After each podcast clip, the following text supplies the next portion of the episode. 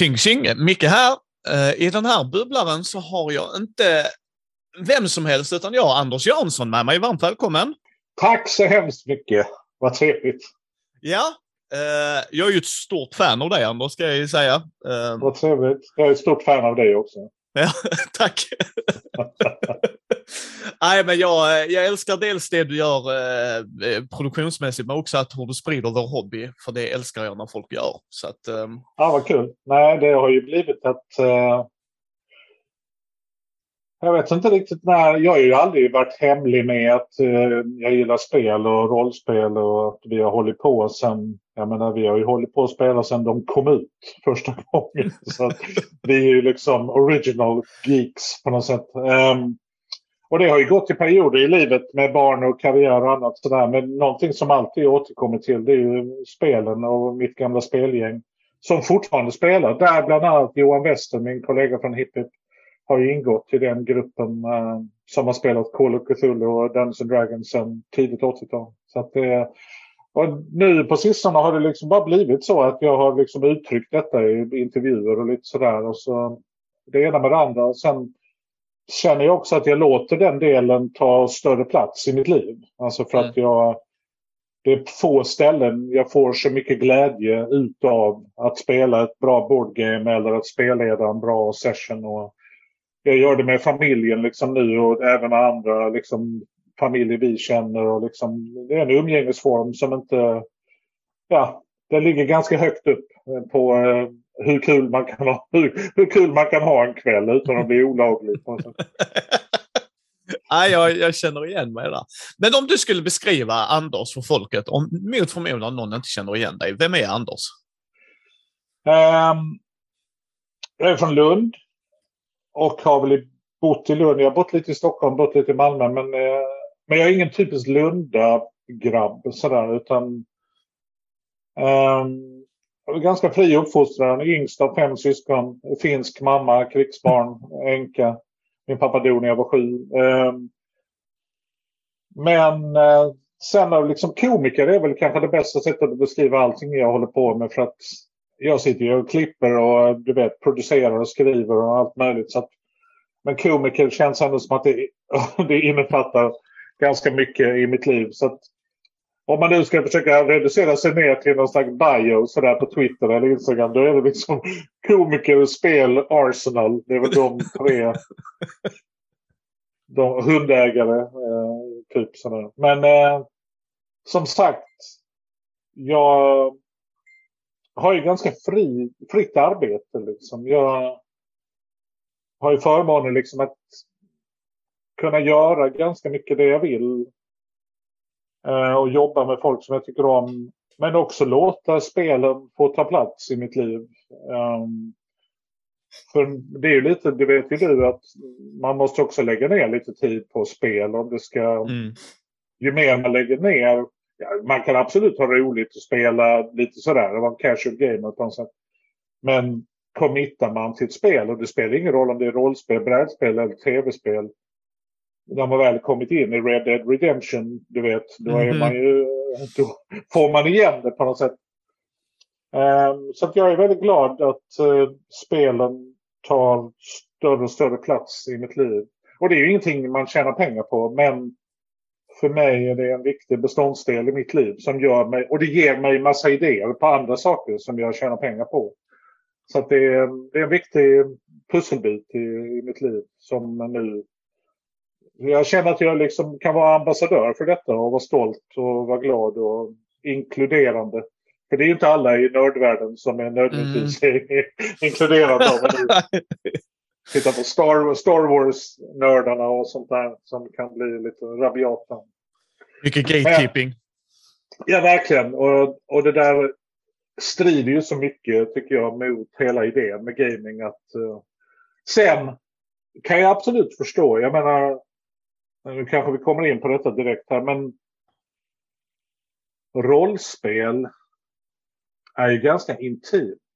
Mm. Det är ju, man har ju sitt gäng, eller sina gäng. Och där hittar man en jargong, en ton och en humor och en anakronistisk touch eller superseriös eller regelböcker eller skit i reglerna vi kör improviserar. där hittar man ju sin egen liksom, ton på något sätt och umgänge. Och den kan ju inte någon gå in och tycka att nej men så får man inte spela och så får man inte spela. Och det är det som jag känner är den stora utmaningen framåt nu. att Hur pratar vi om rollspel? Så att alla kan ta till sig av information men ändå känna att man kan göra sin grej utan mm. att vara rädd för vad folk ska tycka. Liksom. Uh, men det är väl det, komiker som gillar spel och Arsenal. Ja. uh, För du spelar ju brädspel. Jag har ju sett dig bland annat i TV4 där du pratade om lite olika partyspel och så. Det vet mm. jag bland annat du har pratat om. Och eh, jag köpte ju Herd Mentality efter jag såg den. Och jag kan ju säga, ja, ja, ja, den, jag ska ha om någon vecka ska jag åka iväg på semester med min far, så ska vi träffa släktingar och jag brukar alltid ha med mig ett nytt partyspel.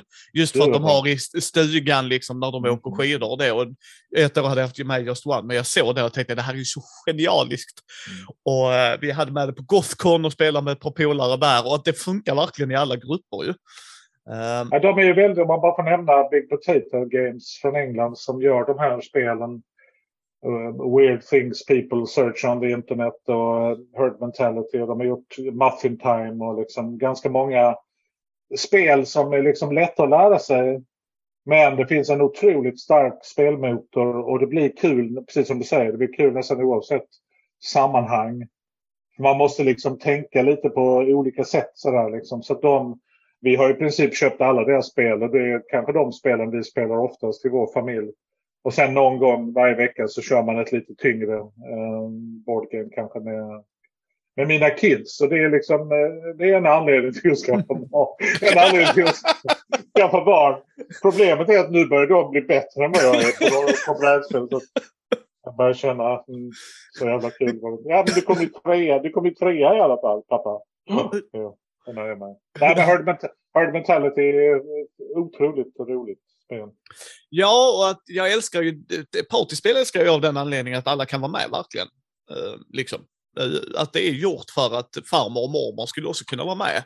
När det görs bra menar jag. Sen är det ju mindre bra partyspel kan jag tycka. Men, men är du Eurogamer eller Maritrasher om du förstår frågan? Uh, jag tror det. jag förstår. Jag tror jag förstår frågan. Nej, men vi, jag är ju... Brädspel är ju på plats två i mitt liv. Rollspel ja. är ju på plats ett. Liksom. Så att brädspel är någonting vi har spelat med, med mitt spelgäng med Johan Wester och mina andra kompisar från högstadiet och gymnasiet. Vi, vi åker iväg till en stuga en gång om året och då försöker man liksom, då kommer, alla kommer med sina inplastade, fortfarande inplastade spel. För man vet om, jag kan inte öppna detta framför min familj. För att de, det kommer ta för lång tid att lära sig Brass Birmingham och mm. de orkar inte vänta. Um, jag tycker väl om liksom blandningen. Att mm. um, ibland har jag liksom lite svårt att engagera mig liksom i spel. De här riktiga strategispelen kan jag ibland. Diplomacy har jag bara spelat en gång. För jag blev så jävla, jag blev så jävla illa berörd när någon bröt, någon bröt pakten mellan Preussen eller vad fan det var. Va fan, du sa ju att vi... Ja men så är det i Europa. Synd, ledsen. Okej, okay, jag köpte honom. Vad fan din jävel. Så jag, har lite, jag kan tycka lite, jag har lite problem med vissa sådana spel. Men jag, jag, gillar, jag gillar spel som är lite cinematic sådär. Jag gillar mm. liksom, eh, ja men det är typ Arkham Horror-spelen eller Fury of Dracula och oh, sådana här spel. Ja, ja, ja. Så där det liksom, man, man ser nästan filmen framför sig. Liksom. Mm. Och de, de tenderar ju nästan lite grann att bli lite rollspeliga på något sätt. Ja, men det är det är, väl där, det, är väl där, det är väl där jag ligger, tror jag. Men sen kan jag uppskatta ett sånt Agricola eller ett, eh, du vet, mer sådär, nu bygger vi. Och liksom Wingspan som ju, jag gjorde eh, reklam för i TV4. Också ett jättetrevligt spel att bygga och samla och liksom sånt där. Mm. Så det är lite blandat tycker jag nu är kanske. Vad är du? Drar du åt något? Eh, det här är ju jätteintressant för jag, rollspel har blivit nummer ett i mitt liv just nu och där är jag väldigt så här regler. Äh, här, äh, så länge det hjälper mig så använder jag det. Hjälper det inte mig så är jag en spelledare som kastar det ut ja. genom fönstret. Liksom. uh, men i brädspel älskar jag att putta mina kuber.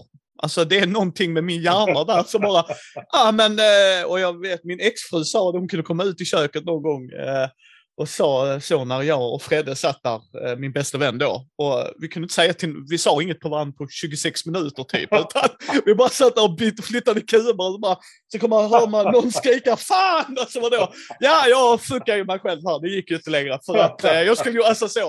Eh, men sen samtidigt som du säger, de cinematiska spelen, så länge de är cinematiska för mig hela vägen, om du förstår alltså, grejen, så älskar jag ju dem. Utan det är bara mer ibland där det blir så här skevt i jag hör hur tänkte ni här? Alltså när man drar ur emotionen. Men där är ju spel som uh, Mansion of Madness, second mm. edition, älskar jag väldigt mycket. Alltså så att, men, men får jag välja så min bästa vän och jag sitter och puttar kuber i köket. Det finns inget som slår det liksom.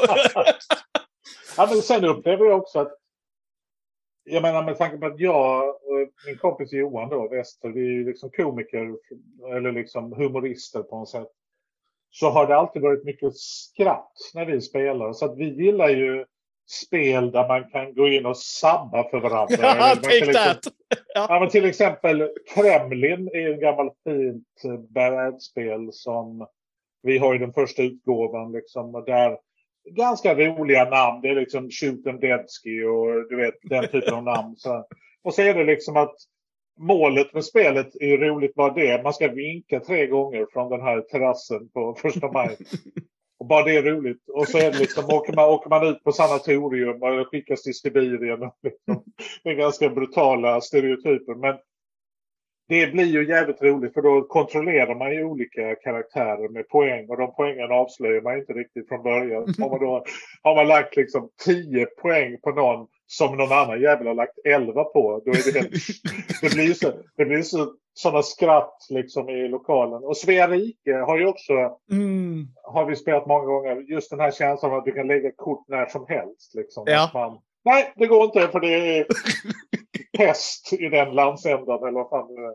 Så att det, jag tror att för oss, sen är vi lite olika. Jag menar, mina kompisar Kalle och Per, de älskar det här med att sitta och läsa regler och, och bara mm trycka ut pluppar och yes, du vet, yes. lägga i plastpåsar och sånt där. Det finns ju någonting meditativt med board games.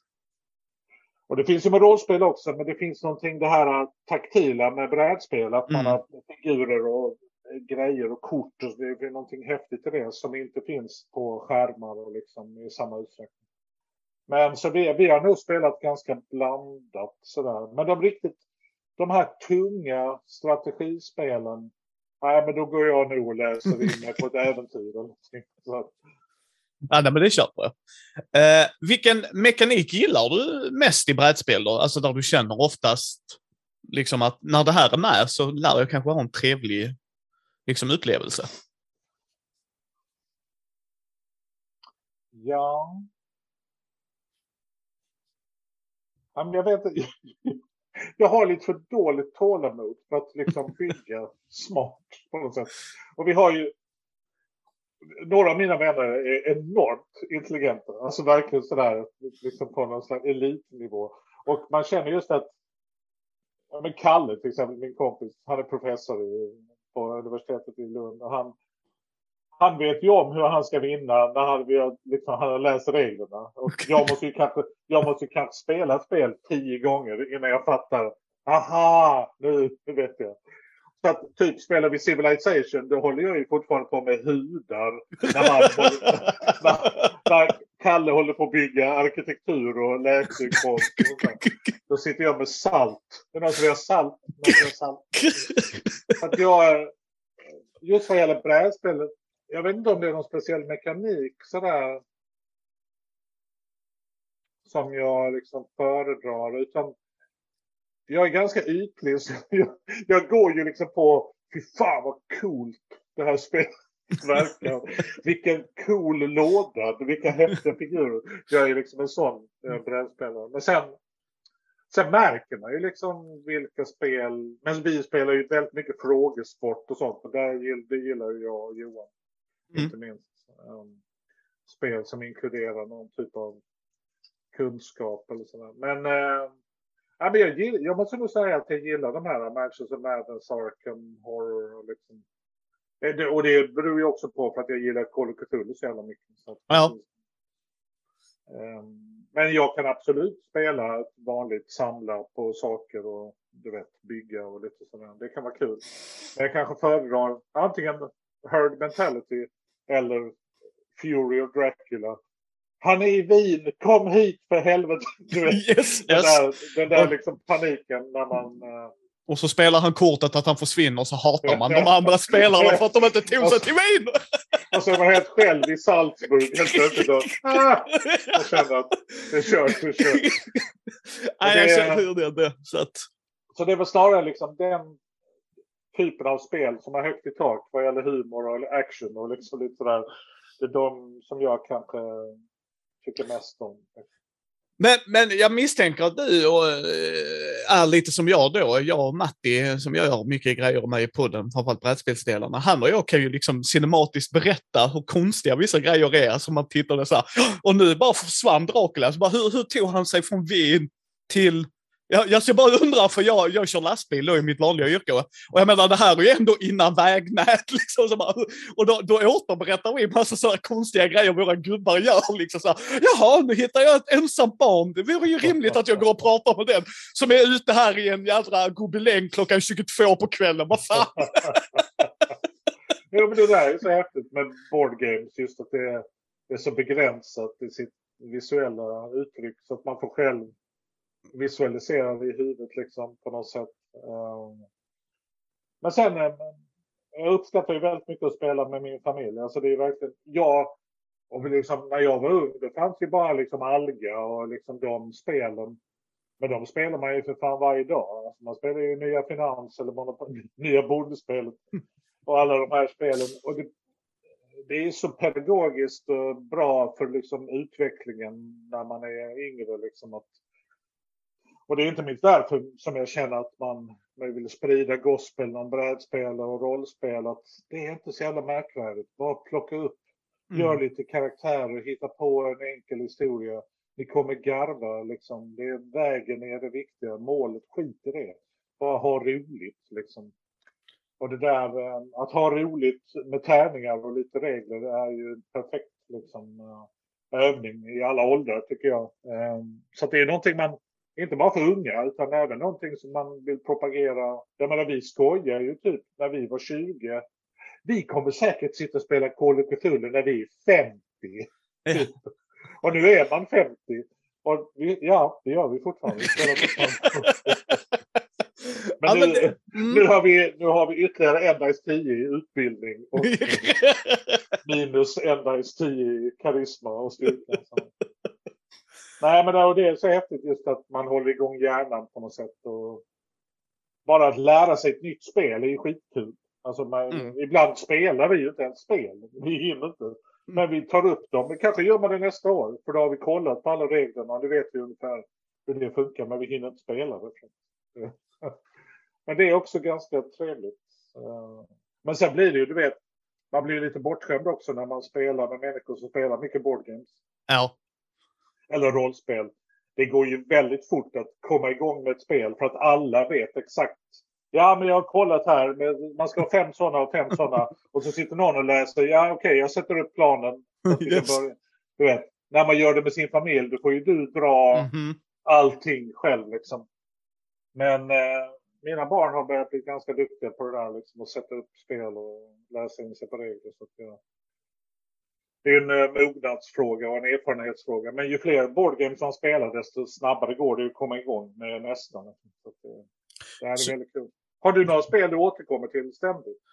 Eh, eh, New Orleans är ju, eller nej, jag säger inte New Orleans, Orleans. Alltså Orleans är ju ett väldigt bra Eurogame som jag gillar. Det spelar jag en del. Terraforming Mars har jag spelat en hel del i mitt liv. Eh, så de återkommer jag. Sen Mansion of Madness, Second Edition, sen blir det ju Twilight Imperium, sådär åtta timmars spel. Så den blir här en gång om Jag har året aldrig spelat, jag har bara hört talas om. Ja, så att det, det är väldigt episkt. Alltså, Men så. det är spion eller agent? Nej. Nej, Twilight Imperium, Twilight Struggle kanske du tänker på där. Twilight Imperium är det Ah, ja, rymd, 4X-spelet där man spelar en rymdsläkte som ska gå ut och erövra. Ja, alltså det är...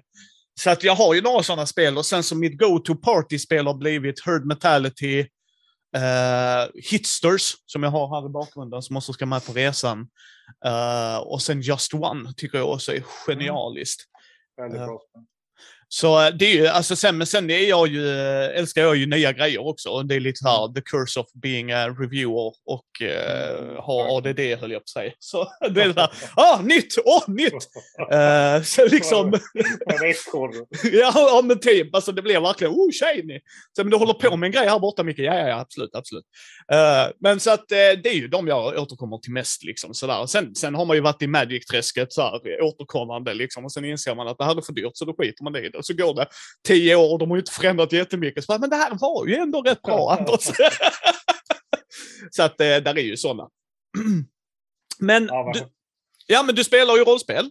Mm. Eh, är du rull eller rollspelare om du förstår frågan? Nej. Rull är att du är mer för mekaniken, rollspelare är där du vill göra rollen. Grov pensel gott folk, ni behöver inte skicka arga mejl.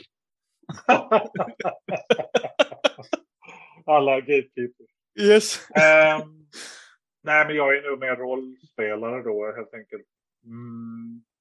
Men ehm, det är hela grejen på något sätt. För mig, jag tror jag spelade mitt första Dungeons and Dragons när jag gick i sjuan eller något. Nu pratar vi 80-tal, tidigt 80-tal. Stranger Things. Och det är roligt att mina barn har ju approprierat Stranger Things, men det är min barndom de skiljer. Menar, banan, banansadel och Ghostbusters, det var liksom min, min barndom. ja. Men visst, jättetrevligt att ni också uppskattar det på ett annat sätt. Men eh, så att sitta i gillestugan med träribbor i trappan och spela Dungeons Dragons, det var ju exakt plockat från min eh, uppväxt. Men då, jag hade spelat det en gång och redan efter den gången så kände jag jag kan nog göra detta bättre som spelledare än vad han var. Den spelledaren vi hade.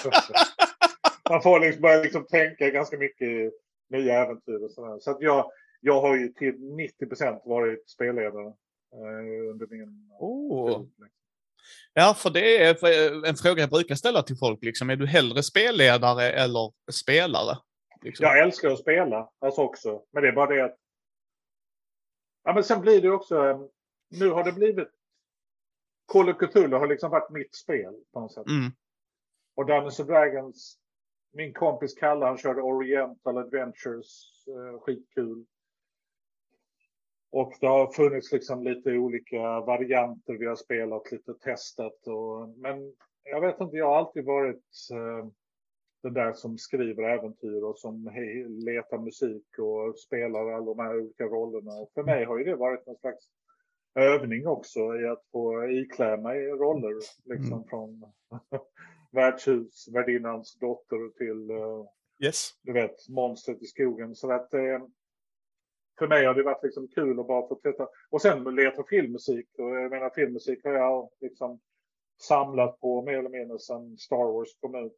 Så att det är också mycket det där och liksom sitta och förbereda någonting. Det är liksom halva grejen. Så att jag är väldigt mycket spelledare. Men jag tycker det är skitkul att spela. Jo, nu när Cthulhu Sverige kom ut. Mm. Kickstarter också. Ehm, Mm. Så började Kalle, min kompis, köra lite Cthulhu Sverige. Så han och jag turas om. Mm. Och därför jag, därför jag då spelar lite Cthulhu, vilket är jättekul. Ehm, och det är så fantastiskt bra, Cthulhu Sverige, för att det är i Sverige och det är i Stockholm och det är liksom inte i Arkham. Utan, så att mycket av det har vi gått igång på nu inför då vår lilla rollspelsfestival i Lund. Så har jag ju pratat ganska mycket med Björn och dem på Eloso förlag som ger ut det här. Och liksom, ja, jag håller på att skriva ett nytt äventyr som utspelar sig i Lund som vi ska spela den 22 och sen den 26 då på själva festivalen kommer vi köra avslutningen förhoppningsvis. Det är ganska svårt att bedöma tid när man spelar Yes. Yes. Och jag kan att spela inför publik kommer ju bli ännu svårare. Liksom. yes, yes. Man får ha, man får ha lite sådana här liksom, luckor som bara stängs. Bara så att ni kan inte gå dit, bara kör rakt. Yeah, yes, mycket mer railroading. Ja men fan, skulle vi inte, vi skulle kolla upp den här grejen. Nej, Nope. skit i det. Han är död! Han är död! Skit i library use, nu är det throw, shoot, dodge som gäller. Liksom. Så, att- Nej, Ja, men så att, det där kommer bli jävligt intressant tycker jag. För det är första gången jag spelar live inför publik. Liksom. mm. Och jag vill ju ta in dem i spelet, publiken, på lite olika sätt. Att dels att förklara eh, och vara lite pedagogisk så att alla elitnördarna kan. Här, det visste jag det visste jag. Och det, ja, det visste jag också. Det vet de.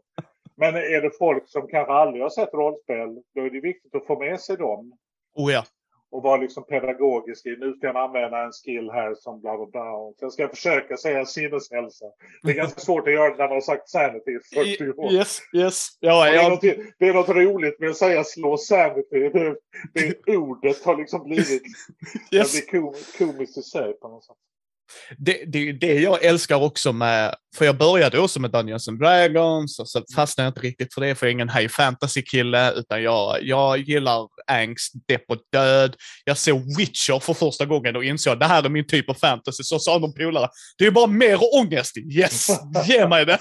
Eh, Polsk, polsk ångest. Precis, dessutom. Och sen, sen så älskar jag när Dungeons and Dragons spelare, eller vilket om de spelar Drakar och Demoner eller MUTANT, när de går in och spelar Call of Cthulhu första gången.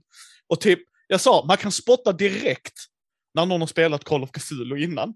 Där ligger ett objekt i mitten av rummet. Ain't touching that shit. liksom såhär, rör inte det för allt, allt, allt, alla pengar i världen. Och så någon som bara, här, jag har aldrig spelat här. Jag går fram och pillar på det jag tittar på. Det. Absolut, slå, slå sanity check bara. Va? Va? Liksom, alltså det, Ja, Eller denna grejen, du möter en varulv. Ja, jag stannar och slåss mot den. Alla andra springer, så bara varför? Ja, men jag gjorde 10 skada på den. Absolut, den slår tillbaks nu. Ja, du tar 248. Men va? Jag har bara 12 i liv. Japp! alltså det är liksom så brutalt. Ja, liksom, alltså, och jag, jag, Ja, ja. liksom, jag bara älskar den kontrasten i, som du säger, att när alla spelledare är så här, slå sanity check, då blir det ju för, ah vad fan, alltså du vet den Mm. det, är känslan. så jävla, det är så jävla trevligt.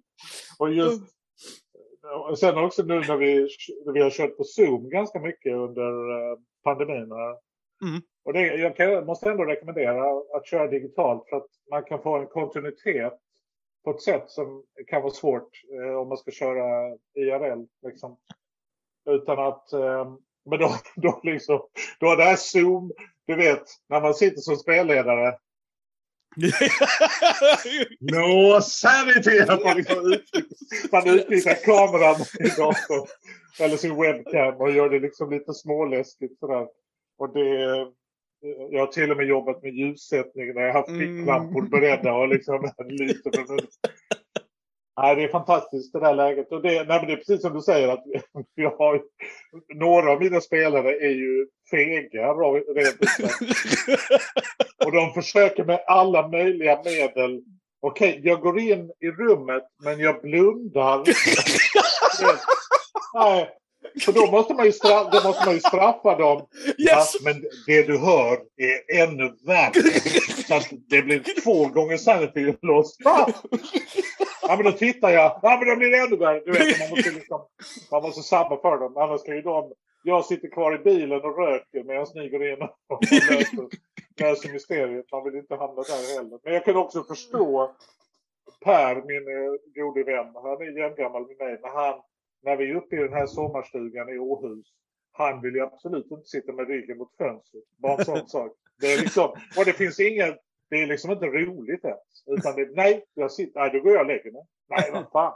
Okej, byt plats med Per. För att han, han, han, han kan inte sitta med ryggen mot fönstret för att han, han målar upp alla de här bilderna i huvudet. Så, ja, det, är, nej, men det är ju ett fantastiskt element i skräckspelen. Men sen kan man ju, man kan ju dra sin DD-kampanj åt det hållet Oh, man ja. vill. liksom. Så det där, men precis som du säger, i början när man spelade Dungeons Dragons så var det ju lite mer Sagan om ringen liksom sådär. Och, eh, ja, mer igenkännlig fantasy på något sätt. Och lite, men eh, Call of Cthulhu kom som en frisk fläkt verkligen. Och sen med sitt enkla system som Mm. Också uppmanar att spela ganska fort. Och du vet de här motståndstabellerna som är så enkla att liksom räkna ut. Och man kan ju femmans multiplikationstabell. Japp. Så jävla snabbt sådär. Varför kan du Vilket inte är- fyran eller sjätte? App, app, app, vet. Och så sitter man och gör karaktärer med sin familj.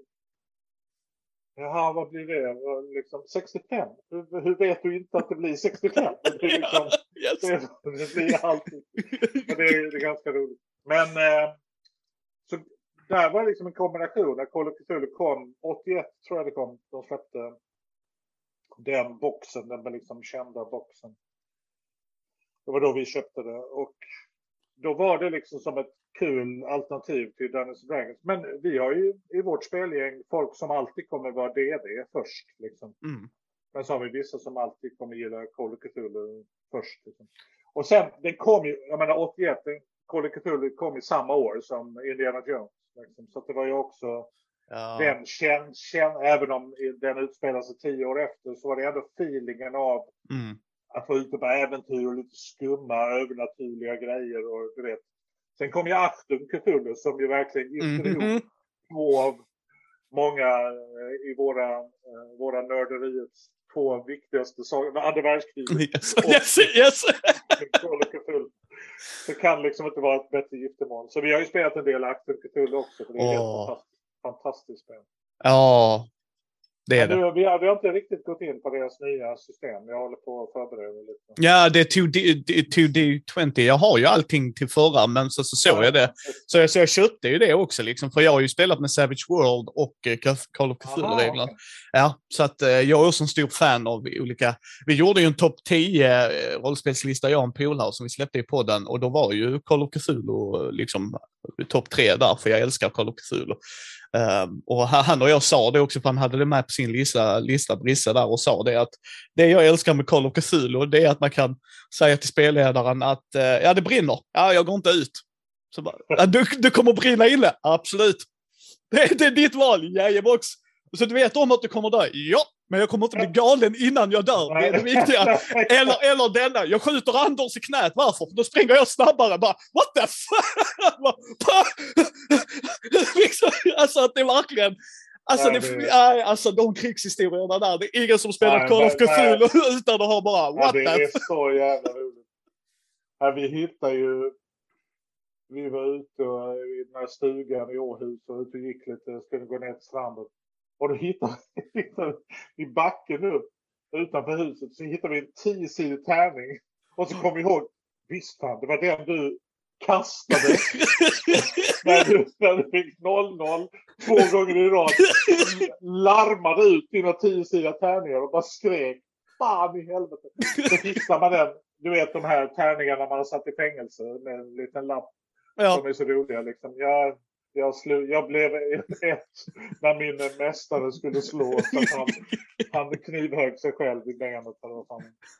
Men, eh, nej, men det där, de där krigshistorierna är fantastiskt roliga. Och till och med när vi spelade vår första kampanj som var Fungi från Jugoth.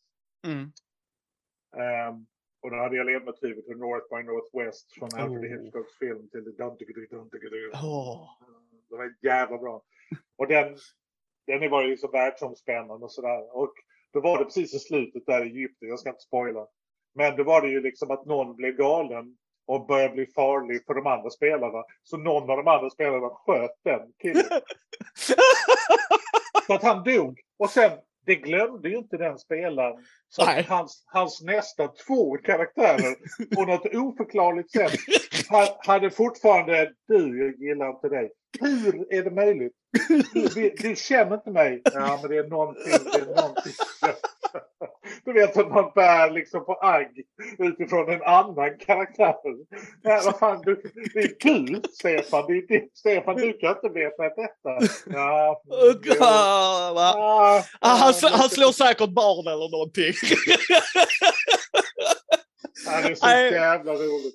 Ja, Jag tycker Det är det faktiskt, eh, för det är det jag tycker är så jätteroligt när man är spelledare. Jag spelleder ju i podden också och släpper som actual play. Mm. Eh, och där, Amanda och Heidi spelade ju till exempel i Gotham, min, version av Gotham, liksom Batmans värld, där de får interagera med DC-skurkar och sådana grejer. Och, Men vad är de? Är de Batman ja, eller är de... Nej, de gjorde... Nej, egna, egna karaktärer. Yes. Uh, ja, det var så jag träffade Amanda, liksom, och nu är hon med i Mindy-familjen. Jag pratade ju med henne och sa, uh, vad vill du spela då? För jag hade, ville gärna spela med henne, för hon är jättebra rollspelare. Och hon eh, sa, nej men superhjältar kan bli kul. Ja, så, så då får det bli DC, för det är den världen jag kan mest. Alltså så här, jag gillar Marvel, uppskattar Marvel, men jag älskar Batman. Uh, och då gjorde hon uh, Hailey Harland, sin superhjältinna, uh, hjälte liksom. Och hon kom tillbaks i en Gotham där Batman hade varit död. Mm. Och hur skulle hon rädda? För många har frågat mig varför är Batman död? Alltså, du tror väl inte Batman någonsin hade tillåtit folk som inte är peak superhuman att springa in där och rädda? Och då möter hon, alltså vi har precis spelat klart säsong två nu. Eh, och alltså det jag älskar med rollspel, alltså jag har fått mina spelare att gråta. Alltså genuint gråta. Alltså där eh, någon, någon de känner händer något dumt, alltså så. Mm. Och de känslorna och mm. alltså som du säger att ena sekunden så kan jag spela en psykopat. För det är Gotham, det är klart det är psykopater. Men sen då en snäll NPC, liksom hennes bästa vän Maus, som är mer peppig och glad och hacker och liksom så här.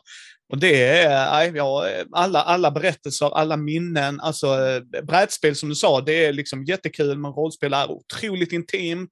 Hur du kan jobba med musik, hur det kan lära en. Att när man tittar på filmer så bara, åh, den här, den här musiken ska jag sno. Alltså du vet så här, här, det här är liksom så episkt. Uh, och um, tjejerna har ju sagt det, de, alltså, för jag sa det, ni kommer älska och hata mig i sista inspelningen vi gjorde där och det gjorde de kan jag ju säga. Amanda grät så mycket som hon skakade efteråt, så att det, det var så här, nu, nu ja, det, så.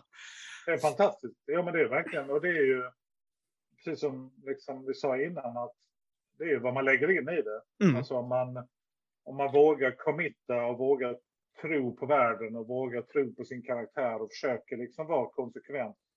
Sen kan man inte låta bli att liksom eh, bli anakronistisk och vi, jag menar som komiker så ser man ju hela tiden allting lite utifrån ibland sådär. Men vi har ju också haft lägen där liksom det har varit så mycket på spel. Liksom för att man har byggt upp någonting. Nu, vi har precis spelat upp um, tre av karaktärerna till level 7 i Dungeons and Dragons, min nya kampanj. Som jag började bygga förra året. Liksom. Och där, nu är de level 7 liksom, och det är första akten liksom, i den här kampanjen. Och den var i liksom, ett läge där man kände att ja, missar du detta slaget så kommer du dö. Alltså, mm. Och det var ju liksom känslan av, det var ju verkligen som en, en tv-serie där man ser i sista avsnittet liksom. Och där rollspel påminner ganska mycket om tv-serier, mm. liksom. de, eller de moderna tv-serierna som kommer nu. Just att, ja men det är en säsong och så ska man nå dit liksom där borta och så får vi se att man kanske förändras lite inför säsong två. Vi får se lite om förutsättningarna, vad är det för ny tråd liksom där. Och det, man bär ju med sig de här karaktärerna. Och det är ju ganska jobbigt att ta död på en player. Ja, och, och sen, sen tycker jag det fina med rollspel... Hotet måste ju finnas där. Ja. Det är precis som en film eller liksom Harrison Ford som verkligen tyckte att Han Solo skulle dö. Nej, vi fryser ner honom i karbonit. Man vet aldrig. och det var, ju, det var kanske ett klokt beslut av Lucas på ett sätt. Liksom. Men det måste svida, det måste göra ont. Vissa måste offras för att det ska bli på riktigt. För annars är man inte nervös nästa gång man går in i det där rummet. Liksom. Nej, för det är där jag har hittat, eh, för, jag håller med dig på ett sätt, liksom, mina spelare brukar oftast inte dö, men det är oftast någon de älskar som dör istället då. Ja, det, är liksom, liksom... Det, det, är ett sätt att liksom använda sig av dramaturgin, att det här och det i, i vissa fall, precis som du beskriver med han Maus, då, i vissa fall kan ju det vara värre. Alltså just för att om jag hade dött, ja men då gör jag bara en ny character liksom.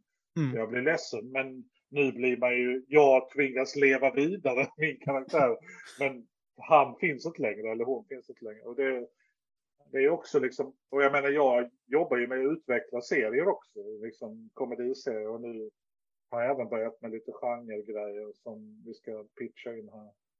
Så att det, det är, rollspel påminner ju väldigt mycket om hur man, och jag menar det är inte Benioff Och de som gjorde Game of Thrones, det är ju gamla rollspels. Ja. Och du vet, och eh, bröderna Stranger Things, vad de heter, Duffer. Och bröderna Russo och de som gör Avengers-filmerna och sånt. Det är många av de här människorna är ju rollspelare. Liksom eh, har en bakgrund i roleplaying och, och spel. För att många av parametrarna som funkar i rollspel funkar ju lika bra när man gör en tv-serie. Ja, och det jag tycker rollspel ger, eh, och beroende på om man spelar såklart, gott folk, så är det ju. Eh, det ger ju dig också, alltså, som du sa där innan Anders, alltså, jag spelar ju alla karaktärer. Så mm. jag spelar ju hennes mentor som hon får då, eh, för er som har lyssnat, för säsong ett är helt släppt, är ju liksom Red Hood till exempel. Det är Jason Todd, andra Robin. Men jag spelar ju han väldigt en högfunktionerad autistisk person som inte, han har ett mål. Alltså han ska döda, han ska döda skurkarna medan då Amanda spelar Hailey som blir en kontrast. Uh, och sen så slutar ju säsong ett, det här är ju en stor spoiler, så här får ni hoppa fram om ni håller på att lyssna gott folk. Men det är ju att Jokern kommer tillbaks. För han slogs mot Batman och helt plötsligt kommer han tillbaks. Och i säsong två får de ju möta Jokern ju. Det är ju rätt uppenbart för de som har lyssnat på säsong ett. Och eh, Micke spelar ju Jokern som han har läst Batman i 20 år. Och Jokern är inte nådig. Han har noll querels. Och då går från peak psykopat, vad han är, till att vara Leslie Thompson som är läkaren som hjälper Bruce Wayne och de som jag har gjort till en väldigt viktig karaktär i vår kampanj. Mm. Hon är ju tvärtom. Och att spegla de grejerna och helt plötsligt vet så här, och i stunden sätta. för folk, folk har ibland frågat, har du skrivit manus till dem? Nej, alltså jag spelar Jokern så som jag tänker mig att Jokern gör ju. Och det kan jag tänka mig bära över till just teater och film och sådana grejer. Liksom att, för att det är där jag märker, som du säger, man märker ju när någon skriver, jag brukar säga det här, Tarantino gör en grej svinbra. Dialoger varje gång jag har sett en film med han så känns det som att eh, Pulp, Fiction, Pulp Fiction är ju min favoritfilm. Alltså att när de två karaktärerna i början pratar, så pratar de. Sen är det karaktärer jag vill umgås med? Nej, nej, kanske inte. Men de har en genuin konversation. Och det märks när någon skriver det eller rollspelar fram det, förstår du lite vad jag menar? Liksom att man märker när någon kan improvisera, liksom, det här känns inte naturligt, min karaktär borde säga. Alltså, om Anders kommer in här och ska skälla på mig, varför ska jag ta det? Alltså att man hör liksom de bakom kulissen-grejerna, när någon adlibbar en grej, så det kändes mer rätt att jag bad dig far åt helvete. Och bara, det gjorde det fan i mig. Uh, så det ger ja, ju mycket. Absolut. Jag, jag har till och med börjat nu i min uh, Dungeons and Dragons-kampanj har jag till och med, när jag sitter och hittar på äventyren, då spelar jag upp med mig själv scenerna där spelarna inte är med. Yes. Utan där den onde yes. liksom, eh, ståthållaren pratar med vampyrledaren eller någonting. Så jag, jag sätter på musik och så sitter jag typ We need to destroy them. Not now, I've told you. Du vet, så man får den yes. där liksom cinematic i ett spel. För det ger ganska mycket när man sen spelar. För då har jag någonstans varit i det rummet där de planerade och så kände jag att han har, hela, han har hela tiden trott att han var den som bestämde. Men nu helt plötsligt så förändrades maktbalansen mm. i rummet. Alltså liksom att bara ha med sig det in i när de möter då den ena eller andra av dem som var i det rummet. Det ger mig ganska mycket ammunition som jag kan använda liksom i nästa scen eller liksom sådär. Så att det där är en ganska rolig grej tycker jag att man och ibland när jag gör, som jag nu gör mitt nya äventyr till Cthulhu Sverige som vi ska spela i augusti. Nu skriver jag en inledning liksom. Och mm. den inledningen kommer man aldrig se. Det är mer som en prolog i yes. X. Liksom, mm. Att man ser det här hända. För att har man med sig det som spelledare då, blir, då kan man liksom förklara tyngden i vissa saker. Eller man känner bara att man har det i ryggraden på något sätt. Så att allt inget jobb är ogjort när man jobbar som spelledare tycker jag. Utan varenda anteckning och varenda bild. Jag visar aldrig den bilden. Nej, men det, du vet ju hur den ser yep. ut. Liksom. Och det, allt sånt där och varenda musikstycke och varenda liksom sånt där. Så jag, jag förstår precis hur du menar. Att man liksom, det blir lättare också då att hoppa in i en karaktär. Um, oavsett om det är en läkare eller om det är Jokern eller vad det nu må vara. Och det är där jag gillar i Gothams räddning så körde jag till och med för att jag tyckte, jag tycker alltid, vet, när man ser en tv-serie, när man får följa skurken, har jag alltid tyckt det är väldigt fascinerande när det görs väldigt bra. Så jag lät dem, för jag använder dubbar i min produktion, så folk får dubbar de olika rösterna. Och då fick man Aha. följa, ja, så då fick man följa Black Mask i hans dag och eh, den spelaren där, shoutout till Micke, han var jättesur för att allting han gjorde kontrades. För att det är det, han fick ju möta Red Hood då, tränad av Batman.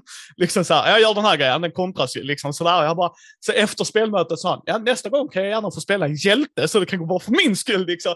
Och sen eh, Brisse då, som jag har gjort eh, mycket produktion med, han spelar pingvinen, så fick man följa han i hans vardag. Vad gör pingvinen? Och det var många som skrev det och uppskattade liksom att det hade man inte lyssnat i rollspelspodd innan, för de fick spela ut. Sen rullar inte de tärningar nödvändigtvis för att de är ju mäktiga skurkbossar, liksom. alltså hänger de med, så det var väl inte mycket tärningsrutt. Men där fick de berätta, det här är min plan och det, och de skuggspelade också, så jag skrev att ja, Healy gör detta, liksom, vad gör ni? Så bara, Jaha, det var ju skit. Det var hela min produktion liksom som gick åt fanders där. Men, men då fick de liksom, och ju mer de skrev till mig, ju mer fick jag spela ut liksom. Så jag förstod ju hur de skulle reagera, agera. Så att jag, jag ser det framför Jag gör samma grej när jag skriver det liksom, utan jag kanske inte säger grejerna, utan jag har det mer i mitt huvud. Men det är så givande också. Jag kan säga, jag har aldrig, när man mindfuckar en spelare, gott folk, det finns inget bättre än att se spelare. Du vet, ja, ja, Anders skrattar, men jag vet också att du känner igen det, eller hur? Liksom att, Oh, ja. och man bara, what the f... Va? Nej, nej, vad vad har jag missat? Alltså det är den känslan liksom. Och, eh, som när då Joker... Och en annan grej som också är jävligt rolig. För att du vet ju hur spelare kan ju ägna två timmar åt att planera någonting. yes! Man blir, man blir lite som Leroy Jenkins i klippet från yes! Fuck, fuck this. Nej, nej, nej, nej, nej. Då var en efter en försvinna. Men det roliga tycker jag är då att ja, men då de tycker att de har en perfekt plan. yes! Men jag vet ju också om att varenda heistfilm, varenda thriller jag har sett, det bygger på att det inte går enligt plan, utan det blir lite roligare då. Så att, ja, den där luckan, den verkar låst. Va? Nej, fucking. Men då, jag måste sticka tillbaka. Nej, nu kommer de här statsvakten tillbaka bakom mig. Helvete, jag måste varna dem på något sätt. Du vet. yes. Och då, då faller hela planeringen bara försvinner. Yes. Och då blir det snarare reaktivt. Och helvete, vad fan gör vi nu? Jag Och en är så de- det är så kul att tvinga dem i det läget tycker jag. Att eh, ja, den planen. Ja men fan, det gick inte alls så som vi hade planerat. Well, what vad kan jag säga? Ni kände ju inte till att det satt fem män med armborst precis innanför dörren. Liksom. Så att, men det gjorde det. Nej, det har du lagt till nu i efterhand. Nej, nej. Det hade jag, det hade jag faktiskt inte. Eller jo, kanske. Who vi, knows, who knows, who knows. vi hade ju ett sånt läge där en polare, alltså vi alla blev förvånade över honom. Vi körde Sunless Citadels 3.5-äventyret där i Dungeons and Dragons. Så gick vi ner och så fick vi ett uppdrag att vi ska hitta en drake som eh, goblinerna har snott av kobolderna. Så ja, okej, då ska vi hitta drake. Och då öppnar vi dörren rätt in, eller så här, vi öppnar dörren, den gick mot oss, kommer jag ihåg specifikt. Öppnar vi dörren och där står goblindrottningen med 50 gobliner och har ett möte. Och då säger min bästa vän Martin, stäng dörren! Och vi andra bara, jaha okej. Så vi stängde dörren. Och så Fredde, min bästa vän, då beskriver, du vet hur vi gör. Alltså vi andra fattar att de förberedde sig, liksom. Inte han. Han skulle gör världens spel, du vet. Han börjar förbereda det. Och sen säger han till mig, Micke, öppna dörren. Och jag bara, Hä? Ja, ja, och då säger jag till spelledaren Fredde, och Fredde, jag öppnar dörren så att jag inte syns. Jag kan inte understryka det här, att jag inte syns. Du då- knyter ett rep i dörren och går 20 meter bak. Och så Oliver då, vår polare, fattar ju också vad som var på väg att hända. Och så säger Fredde, absolut, ni syns inte. Martin, du får 50 spjut mot dig. Och hans blick, va? Han var helt chockad. Hur är det möjligt? Han bara, du gick in, alltså jag sa det, vi är ju en grotta. Martin, precis, vi är i en grotta. De ser inte äventyrare, helt plötsligt går det in fem stycken. Och så Och stänger dörren och så gör någonting under dörren som de ser. Ah, det var så jävla Ja, roligt. det är Hans blick var roligt. priceless. Alltså det var bara va? Nej, men sånt där är fantastiskt. Liksom. Ja. Det, nej, men det handlar ju väldigt mycket, tycker jag, som spelledare. om att liksom, ja men som ett bra tv-spel, att de bästa spelen är ju de som har lagom svåra bossar. Liksom. Mm. Jag minns ju första gången man spelade Metal Gear Solid. När man efter försök 125 lyckas besegra någon jävla boss. Och då satt man där liksom mellan 12 på natten och 3 på morgonen. Nu jävlar. att du var tvungen, du fick inte trycka ett enda fel. Du fick liksom, men den enorma tillfredsställelse som man känner. Ja! En, yes. en cutscene som jag inte har sett innan. Liksom, att som spelledare liksom... För jag menar, humor, action, det är precis som filmer. Men det är därför man älskar Indiana Jones så jävla mycket. Och, och Han Solo. Jag menar Han Solo. Det roligaste i Star Wars är ju när Millennium Falcon låter som en gammal Volkswagen. det är det bästa med Star Wars tycker jag. När, man liksom, när de slår på den. Så, vad fan är detta för jävla rymdskepp? Istället för det här, ja men det går alltid och det funkar allt och liksom allting är smidigt och snyggt och exklusivt.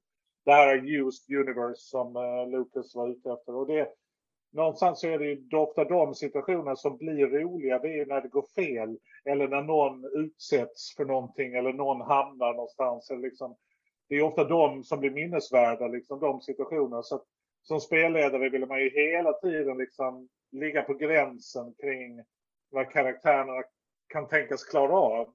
Ibland är det ju viktigt att de får klara vissa saker mm. så att mm. de känner sig duktiga och använder skills.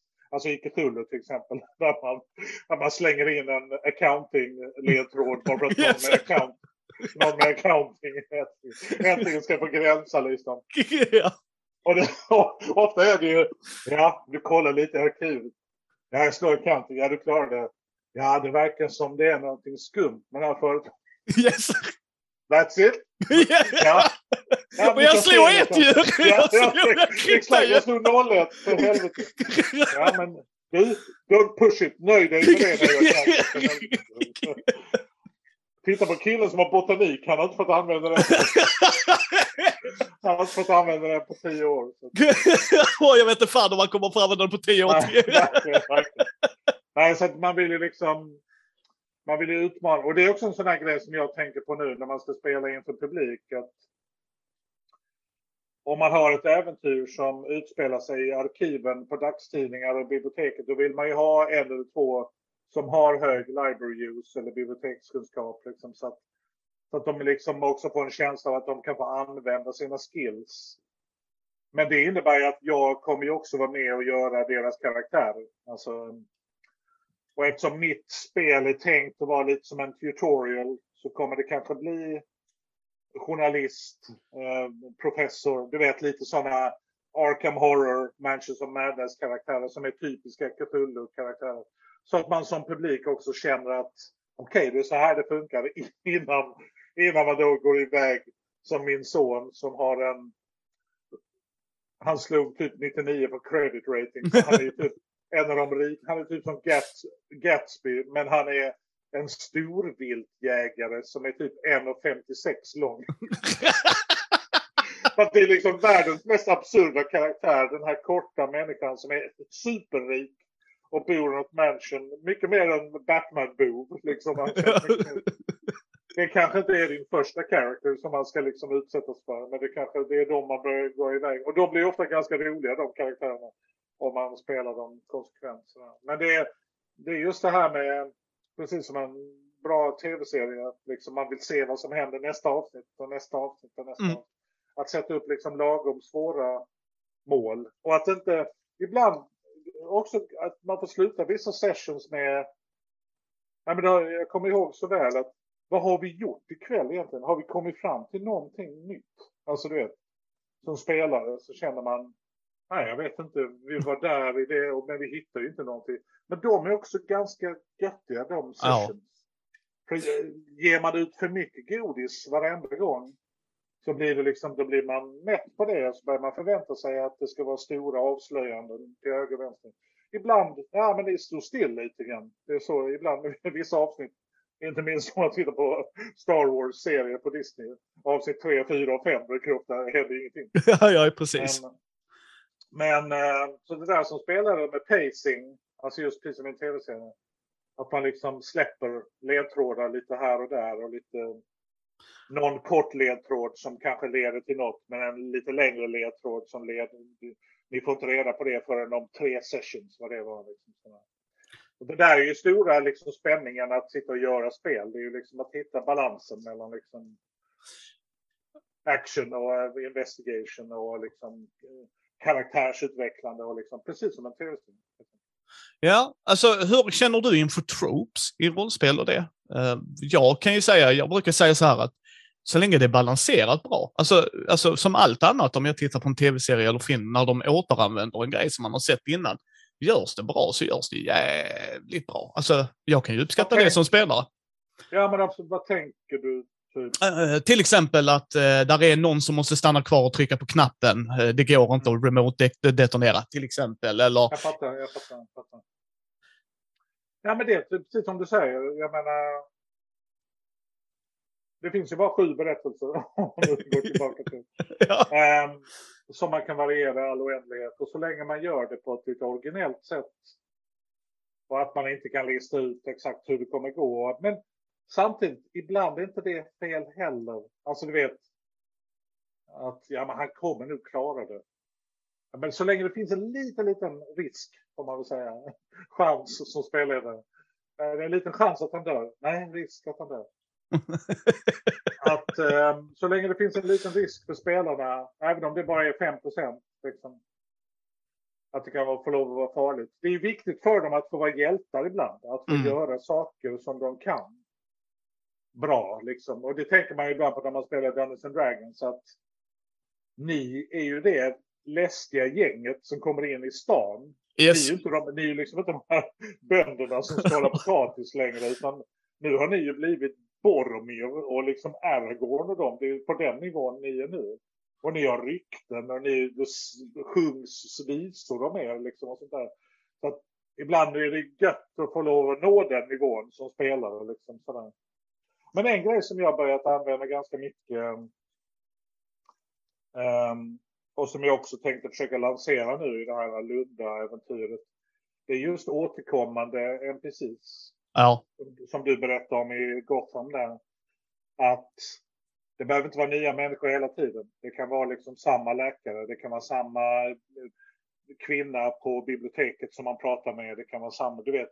Att det där att bygga världar är ganska häftigt. Så att man mm. liksom, ja men fan jag åker tillbaka till den här skräddaren. För han verkar ändå, han verkar ju ha varit med om en del. Och så, ja men visst, du pratar lite med honom och han berättar om bla Du vet att man liksom lite som man skriver en roman eller när man mm. också bygger en, bygger en tv-serie. Om man nu tar Sopranos eller Better Call Saul där man liksom i princip. Jag läste en bra bok av uh, vad heter han nu? Steven Johnson. Everything bad is good for you. Där han pratar liksom om om man tittar på tv-serier fokuserat och med intent liksom så är det ganska bra för hjärnan liksom för att vi mycket information. Och så jämför han då Hill Street Blues som kom när jag var ung. Och det var liksom en polisdistrikt i New York var det väl. Och då var det kanske 15 karaktärer man höll reda på. Mm. Sopranos är det 115 karaktärer. Ja. Och du, ja men, jo men det är han. jo men han, säsong två, han kom det är typ hans kusin från Appalach. Hur fan kommer du ihåg detta? Jo, men det var en minnesvärd scen. Liksom. Yep. Det behöver inte vara så, man behöver inte göra så djupa karaktärer. Men bara att de är återkommande och att det är någon värdshusvärd som ställer en följdfråga. Mm. Hur gick det på det där förra äventyret? Jo, det gick ganska bra. Ja, fan vad gött. Att bara ha liksom en uppföljning Eh, det, det gör ju att man bygger världen ganska rejält mycket köttigare. Liksom. Ja, och de det, bryr sig. Det, ja, precis. De, världen bryr sig om dem och de bryr sig om världen. Liksom, sådär. Att man till och med... Ja, men vi stannar på det där stället. För det var så himla trevligt förra gången vi tog denna vägen. Liksom, Sådana grejer är ju superhäftiga tycker jag. Man kan liksom bygga in och bygga, bygga världen. Men att bygga världar, det känns som en helt egen diskussion. Ja, det är en helt, helt annat ju. Jag håller på att skriva att... skulle kunna prata hur mycket som helst. Ja, ja, för jag håller på att skriva ett rollspel och eh, jag, har hand om en del av världen där jag ska skriva. Ah, så, cool. Ja, eh, vi håller på att göra ett superhjälterollspel, jag och Kristoffer. Warnberg. Så att, eh, Nej, vad kul. Ja. Så, eh, så där är mycket det. Dels speltesta reglerna och så, så men där är precis. Eh, hur är du som spelledare där? Jag tänkte vi snart ska gå över till Lund. Jag, jag vill bara ställa den för, för jag tycker det här är så spännande. För att jag låter oftast alltid mina spelare, så länge det är rimligt i världen. För jag vill ändå att liksom, har vi sett upp att det är Call of Cthulhu så kan ju vad som helst hända egentligen. Men, liksom, men bara så länge det funkar i världen så låter jag oftast mina spelare göra det de vill. Jag kan fortfarande kontra det och vara ett mot dem, men jag har alltid upplevt det att många gånger, framförallt när de spelar med mig för första gången, att de blir väldigt chockade av det här. Får jag göra det? Så säger jag mitt mål som spelare, för det första så anser jag det ett samberättande, Mm. mer eller mindre rakt igenom. Och det är ju din värld och min värld, så du måste ju känna dig bekväm. Så kanske man inte, ah, jag tar på mig capen och flyger. Nej, nej, dude, det är Call of Cthulhu. Liksom, det får vi, superhjältar finns inte. Du, du kan tro att du gör det, men då sitter du i ett kuddrum liksom. Då är det där vi är. Men liksom, hur, hur är du som spelledare? För att jag har märkt att de, mina spelare älskar ju det, att verkligen få vara en del av det. Till exempel säger, jag går hem till min mamma. Jaha, okej, fuck, Anders mamma, hur ska jag spela henne? Uh, ge mig några ord liksom så här. Och sen så bygger man upp ett band där så att efter varje spelmöte kanske hon går hem till sin mamma liksom. Alltså, hur, hur gör du där om du hänger med lite vad jag menar? Liksom, vad är din approach som spelledare där? Ja, men absolut. Jag, ja, men jag gillar ju när de är aktiva och där de har en vilja av att göra någonting. Och jag kan premiera udda lösningar eller liksom... Och det är udda lösningar, gott folk. Det finns, jag märkte liksom, det finns, jag tror att en av mina spelare, Per i Dungeons and Dragons, han hittade något, typ något armband eller en ring, jag kommer inte ihåg vad det var, men säg att det var ett armband, typ av heroics. Mm. Vilket innebar att han kunde göra liksom lite spektakulära grejer tre gånger i varje fight, typ. Ja. Och det var lite roligt för att då blev han inspirerad. Ja, men jag svingar mig i kristallkronan och sen voltar jag upp på balkongen och hugger, du vet sådär. Så att det blir liksom lite Errol att det blir liksom lite filmiskt. Ehm, så jag, jag premierar nog de här liksom idéerna. Och sen, jag menar Johan Wester, min gode vän, han, han vill gärna göra saker så att de andra blir underhållna. Och han har ju då en karaktär som jag ofta går i clinch med. Men det är när jag är spelare i Cthulhu Sverige. Jag, jag spelar ju då en bokhandlare. Det här är ju, gamla, det här är ju drömmar som går i uppfyllelse då på 20-talet. Jag äger en bokhandel i Gamla stan på Lilla Nygatan. Och min karaktär då, Charles Levander. Han är liksom en self-made man. Han har jobbat hårt och liksom eh, letar, letar rätt på dyrbara böcker åt massa rika människor ute i Europa. Så det är hans jobb. Och så har han sin bokhandel. Johans karaktär är då en stenrik rektor som startar Sigtuna skola. och han är så jävla vräkig. Han är liksom sådär, ja men det, det är väl inget, och hans catchphrase, det här är väldigt roligt. Det är väl inget konstigt. Det är väl inget konstigt alls. Alltså han tar, han tar för givet. Ja men vi hyr hela ovanvåningen på hotellet. Det är inget, jag betalar, det är inget konstigt alls. Ja, ja, ja. Och då skickar ibland Johan lappar till mig. Som till exempel, de skulle, de skulle gå in på något ställe där de skulle undersöka. Då hade Johan ordnat dit en liten mässingsorkester som skulle spela innan de går in. Ja, men de bara spelar en liten fanfar här. Det är väl trevligt, det är inget konstigt alls. Inget konstigt Jo, alls! Det är absolut konstigt. Du drar ju åt dig ganska mycket uppmärksamhet. Jag menar om det är folk som... är- Ja, va? Vad du är misstänksam, Levander. Johan går igång på den jävla... Fruktansvärt jobbig karaktär. Men också jävligt komisk liksom. Men... Det är inget konstigt alls. Nej, det är inte så. Så nu, nu, har, nu har det gått så långt att min bokhandlare, han har då ett förlag som heter Arkipelag. Och där har han nu gett ut en bok som heter Inget konstigt alls. Där, där då Johans karaktär berättar om livet och massa tips på hur man ska leva. Utifrån någon som har eh, levnadsstandard eh, 99. Men så att man, det är en liten balansgång kan jag känna. Alltså att ibland känner man att spelet behöver flytta framåt. Vi behöver fokusera på Mm. ledtråden. Vi behöver prata om vad gör vi nu. Men ibland kan man rikta fokus åt de här lite roliga utflykterna eller roliga mm, karaktärsgrejerna. Men gör man det hela tiden då känner man att resten av gänget får liksom inte höras och synas Ja. och sådär. Och det är också en grej som jag försöker hitta. Men för att svara på din fråga så att jag är ganska tillåtande om det är bra idéer. Liksom, Ja. Att de har lite roliga idéer hur de kan lösa grejer. Men sen bygger jag min DD-värld tillsammans med mina spelare. Och en grej som jag gjorde för första gången faktiskt på 40 år. Det var att jag spelade soloäventyr med var och en Mm. tre, fyra sessions Mm. per person. Och då utvecklades ju deras karaktär. De fick vänner, de fick eh, lära känna platser, de hörde talas om rykten, de eh, hittade grejer och liksom. Så när de då sågs första gången så var det ju mer som The Fellowship. Att man Yes. vet om vad fan är det för jävel? Han, ja, vad är det och var kommer de ifrån? Att de hade redan historier liksom. Och Det, det måste jag rekommendera om man nu ska bygga världar. För då bygger man ju världarna tillsammans runt de spelarna. Så jag utvecklar ju bara världen runt Kalles trollkarl eller King Pers eh, Rogue liksom. Och så utvecklar man världen. Till slut så möts de här cirklarna och går in i Mm. varandra. Och då träffas ni. Och då, men då har vi liksom utvecklat världarna runt er. Så att denna delen på kartan liksom. Så som det var i Warcraft. Innan det blev Warcraft, World of Warcraft. När man, oh, när man hittar 25 paladins. När man fortfarande håller på att snickra sin första barack. Vad fan, hur långt har du kommit? Återigen Kalle, vår jävla professor i matematik. När han, när man typ man sågar i skogen, då kommer, det, då kommer hans första hailstorm. Va? Hur är det möjligt att du har en hailstorm redan nu?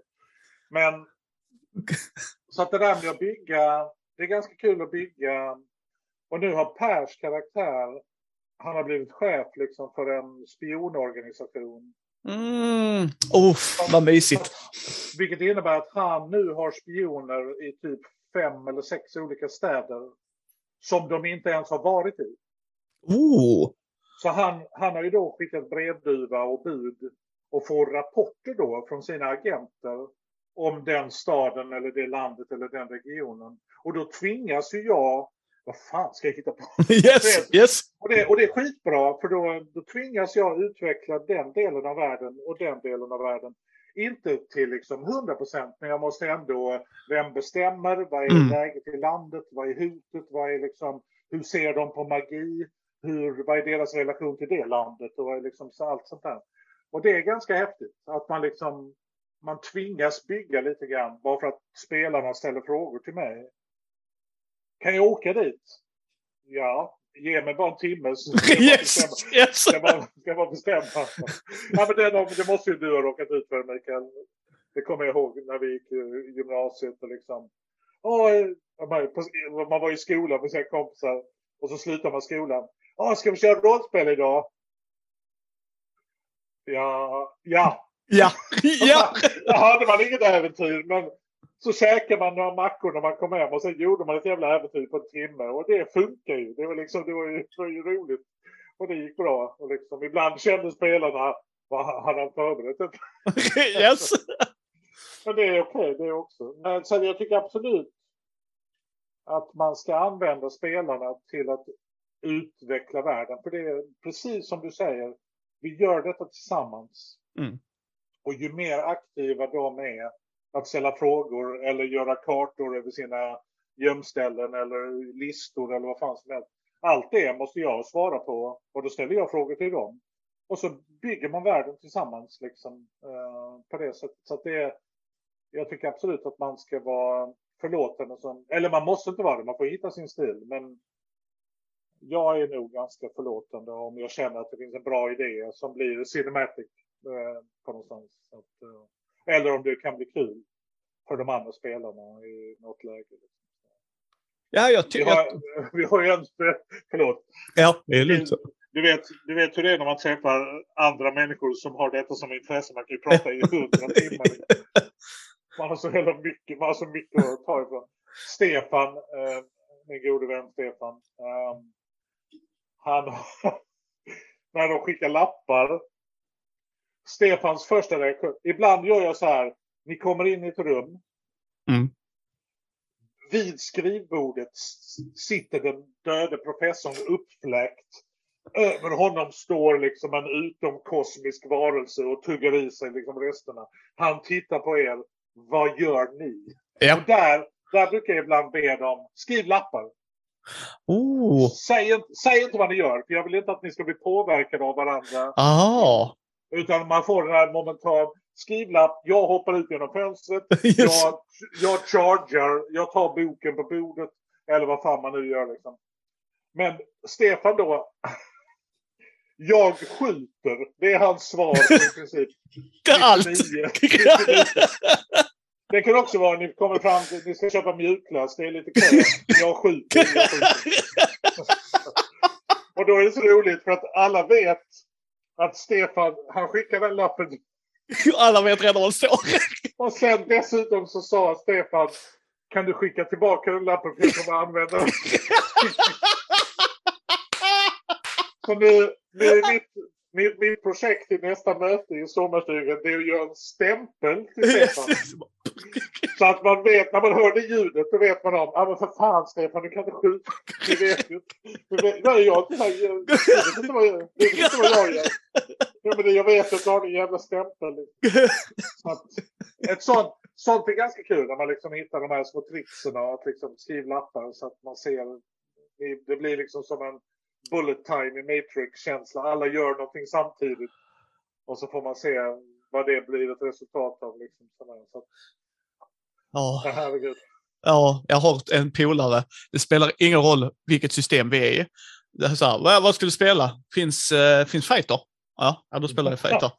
Uh, finns, finns människa? Ja, då spelar jag människa. Så spelar det liksom ingen som helst jävla roll. Liksom där. Du har tre miljoner klasser, finns fighter? Ja, då ska jag ha det. Check liksom. Uh, och du kan ha 17 bataljoner, släkten och raser. Så.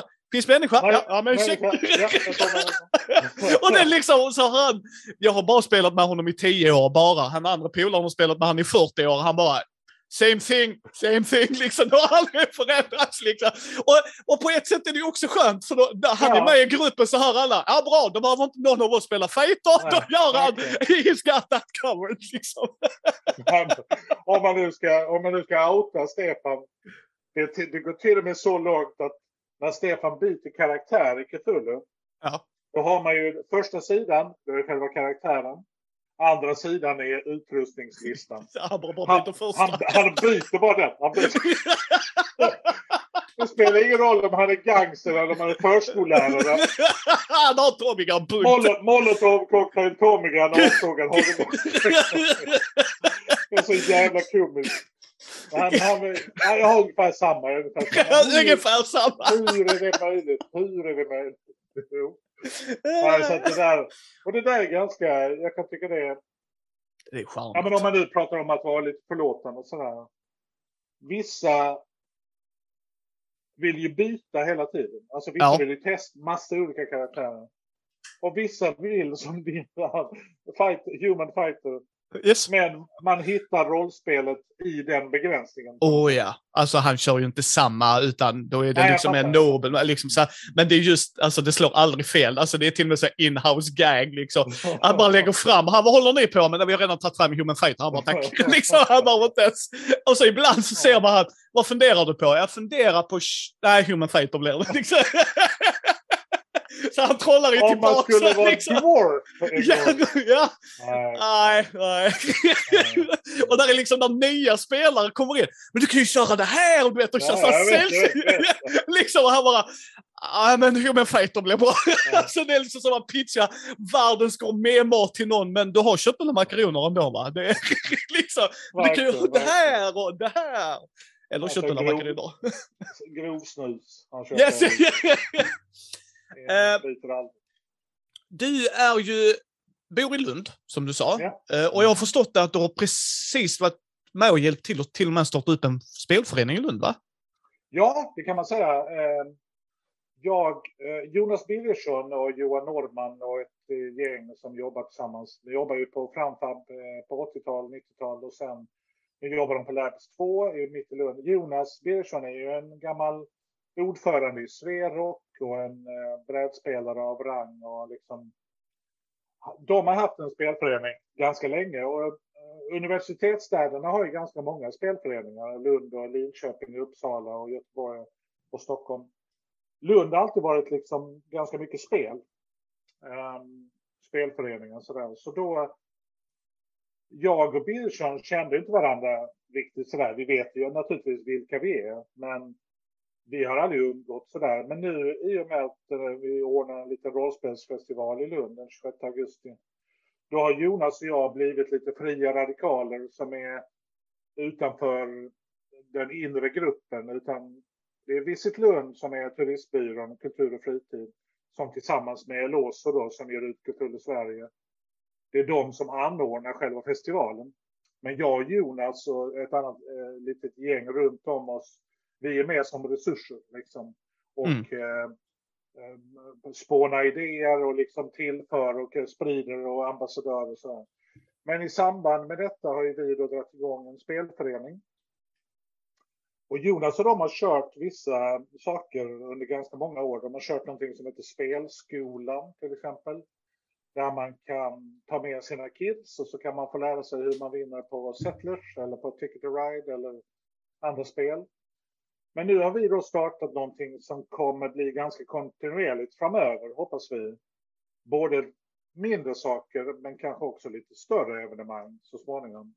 Men vi i samarbete med Grand Hotel i Lund som är ganska bra samarbetspartner och är lite också kul med Cthulhu eftersom Grand Hotel, du vet, på 20-talet och sådär. De är, de är sugna på att hitta på nya roliga grejer. Så att på Grand Hotel så ordnar vi någonting som heter spelkväll. Mm. Och inom ramen för den så kommer vi ordna lite olika saker. Och då den 22 augusti, där kommer jag spela kapitel 1 av mitt nya Cthulhu-äventyr som utspelar sig i Lund 1922. Och sen kommer jag då spela det samma fredag, kapitel 2, på själva rollspelsfestivalen på Akademiska föreningen. Förhoppningsvis eh, slutcrescendot inför ja. publik. Men den 22 då är man välkommen att komma till eh, Grand Hotel och eh, titta på live-rollspel. För då ska vi spela med samma trio eller kvartett. Vi får se vilka som eh, blir spelarna det är inte, fort, det är inte klart fortfarande. Men, så att vi, vi kommer ordna lite grejer med den här spelföreningen. Alltså både för familjer men också komma och prova brädspel. Men sen också kanske paneldiskussioner eller precis som att du kanske kommer dit, Mikael, och du och jag pratar om hur bygger man världar. Mm, det hade jag gärna gjort. I olika system liksom. Och, eh, vad kan man, och då kan man ju ta upp, eh, då kan det bli som en liksom, town hall. Att folk som får ställa frågor eller bidra, eller hur brukar du göra liksom. Och det är den här communityn som vi sakta men säkert försöker bygga mm. nu ut från Lund. Både bland skolungdomar. Jag tänkte ge mig ut i höst i skolorna och ha liksom, lära dem hur man spelar rollspel. Men sen också studenterna som jag har pratat med, eh, kårmänniskor och nationsmänniskor, liksom hur det finns ju ganska många rollspelare bland studenterna. Jo, men hur får vi ett nätverk här så mm. att folk känner att fan, jag skulle vilja bara sitta och lyssna på någon snacka om sin kampanj och kanske prata med dem. Du vet, att man får det där utbytet som är så fint i denna communityn kan jag mm. tycka. Innan alla låser in sig i sina Så finns ju ganska, precis som du och jag, jag menar vi har aldrig träffat innan, men vi, det känns som vi har känt varandra. Yes! hur, länge, som helst. Vi har så många gemensamma problem och erfarenheter och roligheter. Så, så den här spelföreningen, vi ska ju försöka liksom göra så mycket spel i Lund vi någonsin kan. Mm. Vi börjar liksom i höst med lite mindre grejer, men kanske nästa år så kanske det blir lite större brädspelsträffar liksom, där man kör en hel dag liksom sådär med massiva grejer. Och då kanske man bjuder in folk från utlandet och, eller Sverige. Jag menar Terraforming Mars, hela den brödraskaran som har gjort det spelet uppe i Värmland eller var de nu sitter någonstans. Men eh, det finns ju duktigt folk som man kan liksom ta in både författare och liksom allt möjligt. Sådär. Så att, men den 22 augusti så är det på Grand Hotel och sen den 26 då är det Lund 1922. Då är det den stora rollspelsfestivalen. Men den sträcker sig över två dagar och sen är det plus en dag när man kan spela, fortsätta spela spel den 28 på söndagen. Ja. Men, uh, man får gå in på lund1922.se och kolla all info. Det är ganska mycket kul. Ja. Må många roliga föredrag, seminarier och konstnärer och Lynn Harvey kommer ju dit för fan, mm. som har skrivit Cthulhu-spel sedan 80-talet. Liksom. Mm, alltså det ser jag fram emot. Ja, verkligen. Som är en av de som har skrivit kampanjerna som du och jag liksom känner till. Och sådär. Så det ska bli väldigt, väldigt kul att få nörda loss med alla likasinnade. Och förhoppningsvis, yeah. förhoppningsvis kanske lite människor som är nyfikna på vad är detta? Eh, det här verkar kul och hur gör man? Och liksom, för det är viktigt att inkludera även nybörjarna. Yes.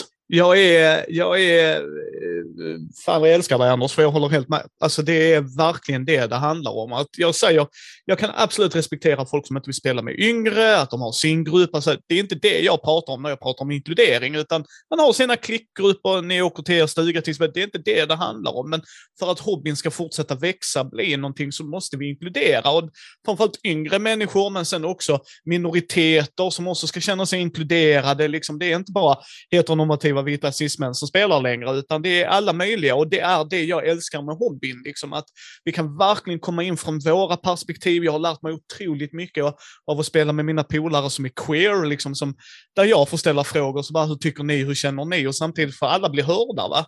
Och det, jag kommer den 22, kommer jag också åka ner till Lund. Jag bor i, ja, jag bor i Helsingborg, så jag bara hoppar ner på tåget och sen så. Uh, och det är också det jag tycker, pre precis, alltså men just där till exempel panelsamtal älskar jag att hålla i och prata så här, hur bygger man? För jag menar, som du säger där, du har ju, till, du har ju en karriär av att liksom göra karaktärer och liksom och att göra den biten, men att man fortfarande kan prata och dela med tips och krigshistoria. Det finns inget bättre än att möta nördar, för där är alltid någon. Eh, eh, jag kan one-uppa dig. Jag hade en spelare, man bara what the action? liksom. uh, jag hade en spelare som när de blev backstabbade av en annan, förlåt mig, det här är ett sidospår, men det här är en av de största mindfucken jag har. Det är så till en milda grad, tio år senare så hatar min polare mig för att jag gjorde det mot honom. Det var att eh, de körde också i DC, i Gotham, liksom så. Han var en magiker, och så hade, var det en polare som flyttade. Eh, så jag tänkte jag gör hans kille till skurk istället, som också var en magiker. Eh, väldigt mycket baserat på John Konstantin, för folk som vet om det är. Eh, fast mycket mer alkoholist och drogare, alltså så här, han var väldigt asshole-aktig där. Eh, men så tänkte han, jag, jag, vill åt någonting de har.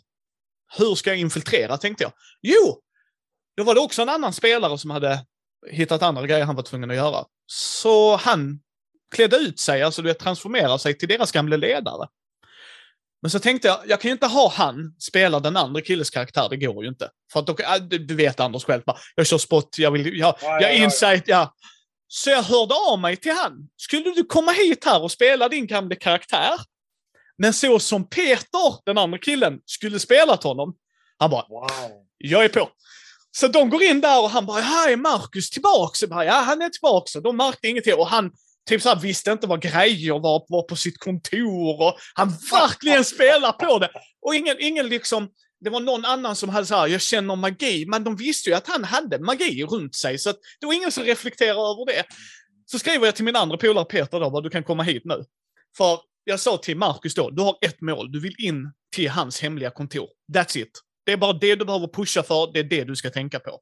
Så han bara, jag vill in på det. Så här, Var har du den magiska grejen? Så här, på mitt kontor. Kan jag få gå och se den? Absolut. Så när han går in där då så säger jag, perfekt, ni två lämnar rummet. Och så körde jag lite med de andra. Nu går ni alla in i rummet. Jaha, tänkte de. För jag var på en spelförening då. Och de bara, jaha, okej. Okay. Och då kom Peter ner och satte sig. Sen hämtade jag in Martin då, min bästa vän. Och han ser Peter direkt och fattar, Fan! Jag är så mindfuckad! Så han var direkt, jag slåss och de var två mäktiga magiker. Så att de rullade, ja, alltså alla, alltså det, de gjorde ingen skada på varandra. Tills Peter säger, jag pungsparkar honom. Och krittar. Och han bara sparkar på kulorna och sen faller han ihop och han öppnar dörren. Då kallar jag in de andra ju. Och de bara, vad fan gör Peter här? Alltså det var verkligen, ingen fattade. Och han bara, så frågar Peter, kan jag gå? Ja, det är klart du kan. Ja, så här gick ju alltså hans karaktär då. Bara lämna byggnaden och de andra. Och så ligger Martin då och försöker förklara liksom. Alltså ni ser min karaktär hålla sig för skrevet och har jätteont och så ser jag att han går. Så går för en polare fram.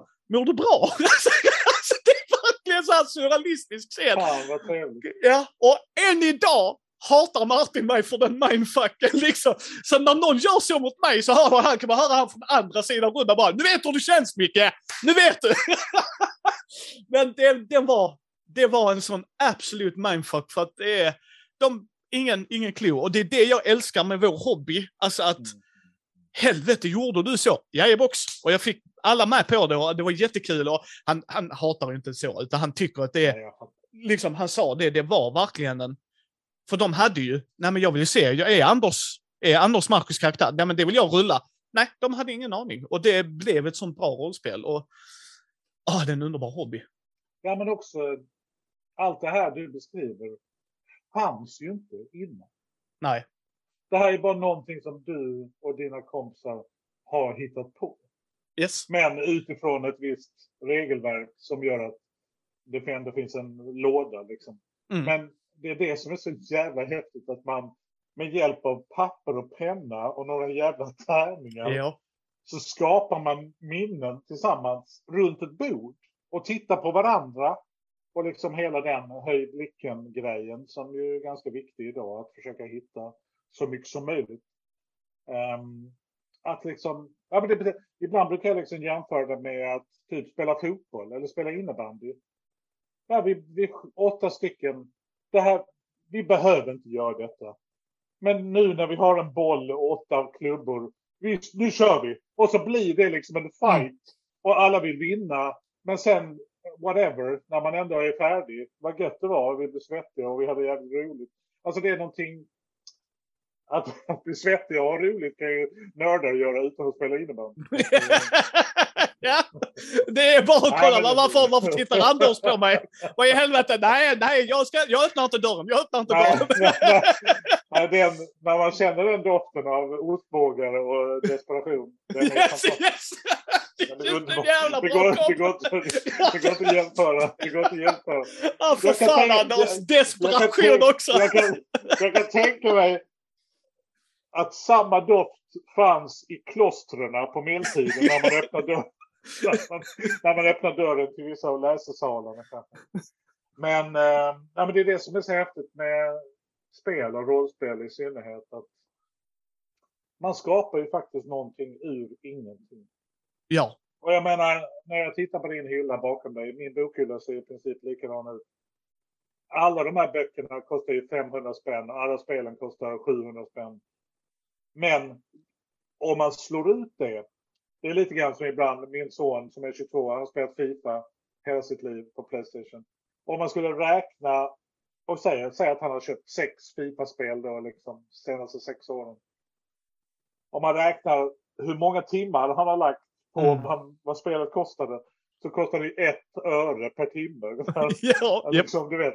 Och det är ju samma sak med böcker och spel. Ja, det kanske vissa tycker att det är en dyr hobby. Ja, men varför, varför köper du så mycket böcker? Du hinner ju inte läsa. Nej, men det, är- det är inte det.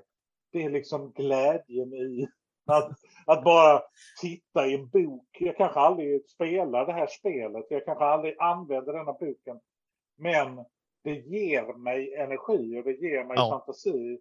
Och så liksom timspriset på den här boken är ju noll i princip. Om man nu jämför med hur roligt man Ja. har haft det liksom, med, med alla sina äventyr. Så det är verkligen en hobby, precis som du säger, som är...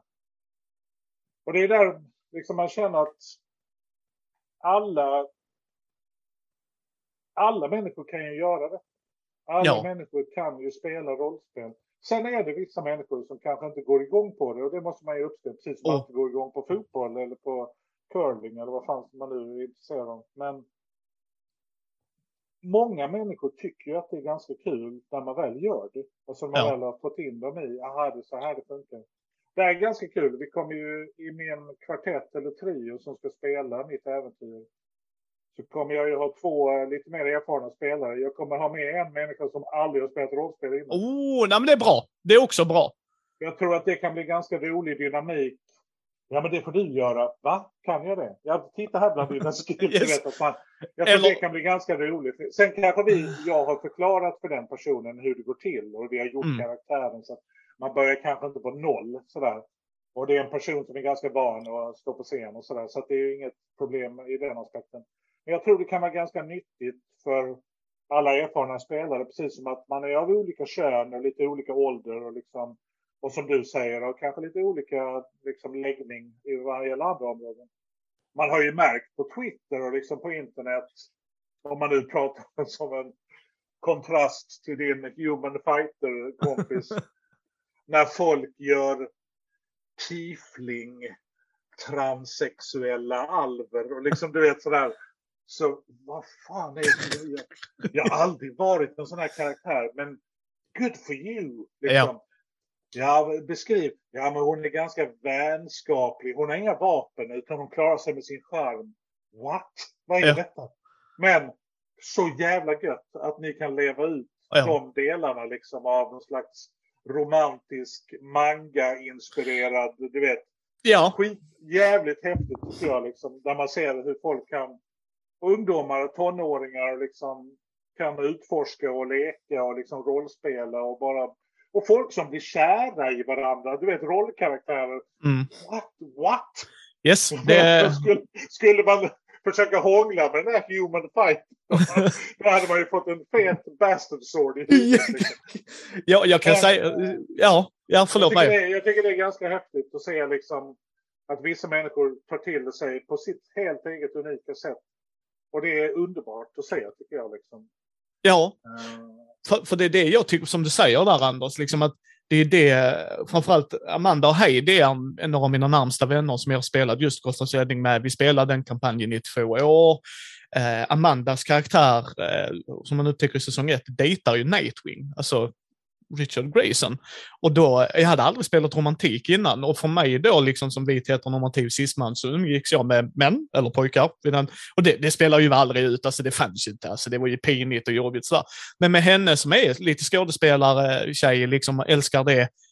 Då var det bara så naturligt liksom att jag spelade ju, det var ju inte Micke hon hade en relation med, utan det var Richard Grayson. Alltså att de grejerna, att utforska det och att det blir liksom en grej för att den världen växer till och de adopterade Heidis karaktär för hennes mamma gick bort och alltså att det blir liksom en sån här familj för då, då fick vi rollspela till plötsligt så är han på skolan, vad händer? För att det är också, de scenerna är också viktiga liksom, för det bygger ju hennes karaktär. Så att jag håller med dig och just till exempel Maus är ju en karaktär Amanda skapar som var icke-binär och jag har inte träffat jättemycket icke-binära människor så jag fick ju öva att använda pronomen hen och henom. Uh, vilket var jättebra för mig för att jag vill respektera folk liksom. Men vet så här, återigen, jag har typ tre tjejpolare i Helsingborg jag umgås med, resten är vita heteronormativa cismän. Och, och det är också okej, va? men då blir det ju inte att man får de ut, intrycken. Och det får man när man spelar rollspel med andra människor, alltså upptäcker de världarna. Och en grej jag tror du också känner igen, det är ytterst få gånger man vet vad en annan gamer gör, för det är egentligen inte viktigt vad du jobbar med på fritiden, för jag är bara intresserad av vad din fighter gjorde i den kampanjen. Och, och liksom, när en partner eller en polare bara, vad, vad jobbar Anders med? Ingen jävla aning, men jävlar vilken fighter han har. Alltså, fattar du vad han spöar skiten ur strand? Alltså, alltså att det är så roligt liksom när folk kommer in. Pratar ni inte jobb? Jobb? Vem fan bryr sig? En gång kan man få reda på när någon jobbar för att då är de, de så här, så funkar det inte. Nej, för att jag jobbar med detta. Jaha, åh fan. Jaha, okej. liksom, sen går man vidare liksom. Jag jobbar som fighter. Ja. ja. Nej, men liksom, och det är det som är så jävla roligt. Men kommer man kunna höra, kommer det bli produktion på de grejerna så att de som inte har chansen att vara på Lund, kommer man kunna höra de grejerna sen eller? Ja, vi kommer ju, jag har sagt så här, vi kommer ju dokumentera det. Alltså att Mm. eh, Kristoffer eh, och de kommer ju köras innan mig på fredagen där. Mm. Då kommer de spela lite och sen tar vi över deras utrustning och så kör vi slutet på mitt äventyr. Um, I två och en halv timme, tre, fyra, jag vet inte. Vi får väl hålla koll på när nattbussarna går. Så här. Ehm, men denna gången så kommer jag använda musik. Ehm, och så därför kan vi liksom inte streama grejerna. Liksom sådär. Ehm, Alltså, ja. så att, eh, ja, men alltså jag kommer använda filmmusik och liksom från Spotify och sådär. Så att det, denna gången kommer det bli mer liksom slutet sällskap. Men jag tänker ju liksom att detta kanske är startskottet på att jag startar en podd med uh, actual play. Mm. Um, och kanske lite nörderier. Liksom sådär. Um, jag har pratat med Eloso ifall vi hittar något samarbete eller så gör jag en egen. Um, och så kan man hitta samarbeten mellan massa olika poddar och sådär. Så att, uh, men denna gången så tror jag vi kommer hålla det um, i rummet. Liksom. Ja. men vi får se. Vi dokumenterar det så får man se om man löser det i efterhand. Men uh, det kommer nog bli svårt rättighetsmässigt. Och, där, där har jag ett tips. Eh, mm. Min studio, och har du ingen så kan jag låna den till dig på måndagen, är att du kan göra, och när de har hörlurar på sig, så kan de få höra musiken. Eh, men det kommer på ett separat spår, så man trycker bara delete på den. Så alla andra kommer inte höra det i efterproduktionen.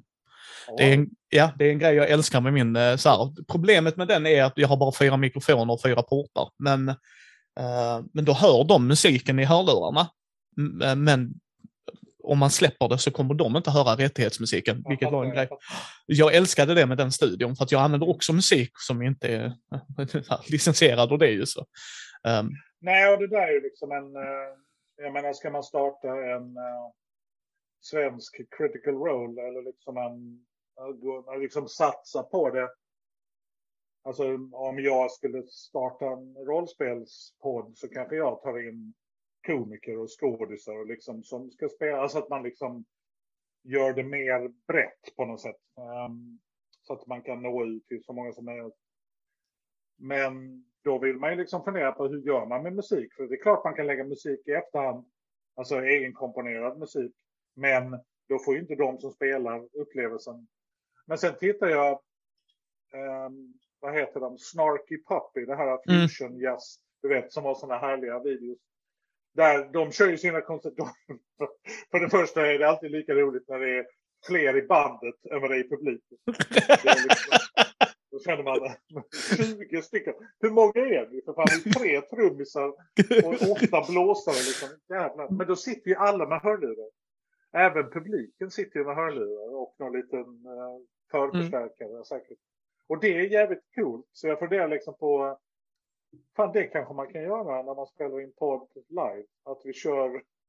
Vi kanske inte har så många i publiken. Vi kanske har 25 i publiken. Men då har alla hörlurar och alla är med. Liksom.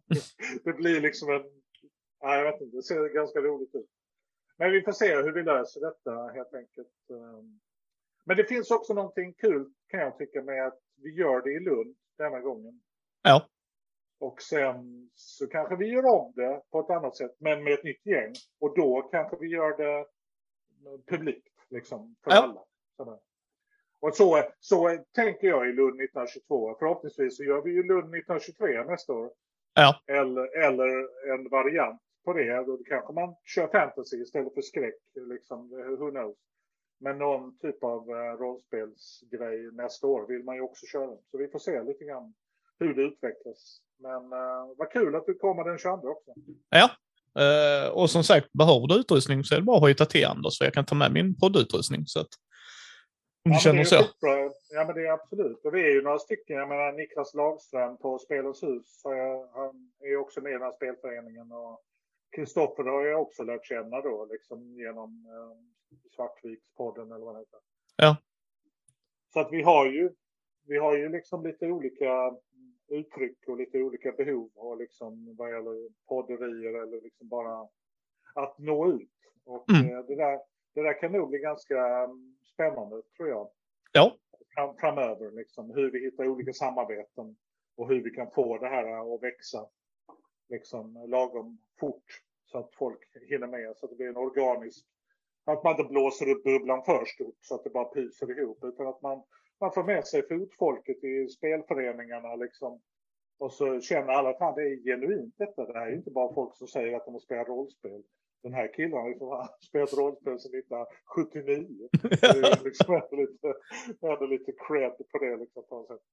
Att, um, att bygga det här nätverket liksom. Och det, det finns ju så många roliga möjligheter med tekniken idag. Hur man kan eh, göra det på massa olika sätt. Så att, Mm. Låt, oss, låt oss prata vidare helt enkelt. Ja, men det tycker jag Anders, för det jag är med dig. Jag vill sprida gospeln. Jag vill att folk ska åka till Lund. Jag, jag känner ju Björn Flintberg då från Elosso. Uh, liksom, och han är ju helt med mig och jag uh, älskar ju att träffa andra människor liksom, och se glädjen i det. Jag har ju kompisar som spelar rollspel med sina barn och liksom, alltså, uh, verkligen genuint, liksom, det är en hobby för alla. Uh, så att jag kommer ju gärna prata ännu mer med dig när vi väl träffas både på den 22 och sen den 26 och 27 där. För att jag kommer ju se dig när du får spela live så att uh, kommer det vara en liten skåning där nere som sitter och skrattar jättehögt. Då. Uh, och, um, så ska jag hänga lite med Svartviken-gänget också för att de är också vänner till både mig och andra i Mindy-familjen. Liksom. Ja, cool. Två sista frågor här.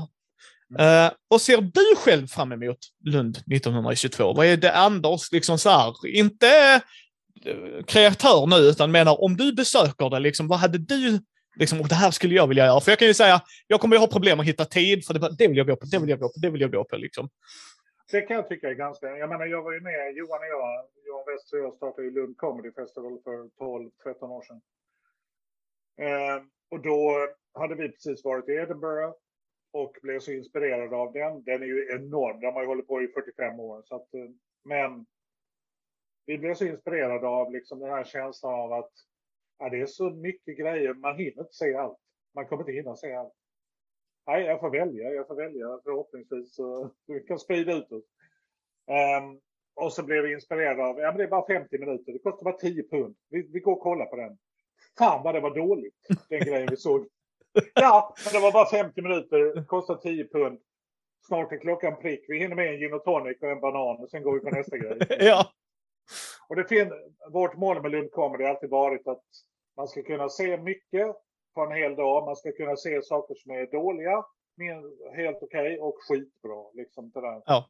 För att det, vi tycker att kultur ska, man ska äta kultur på det viset.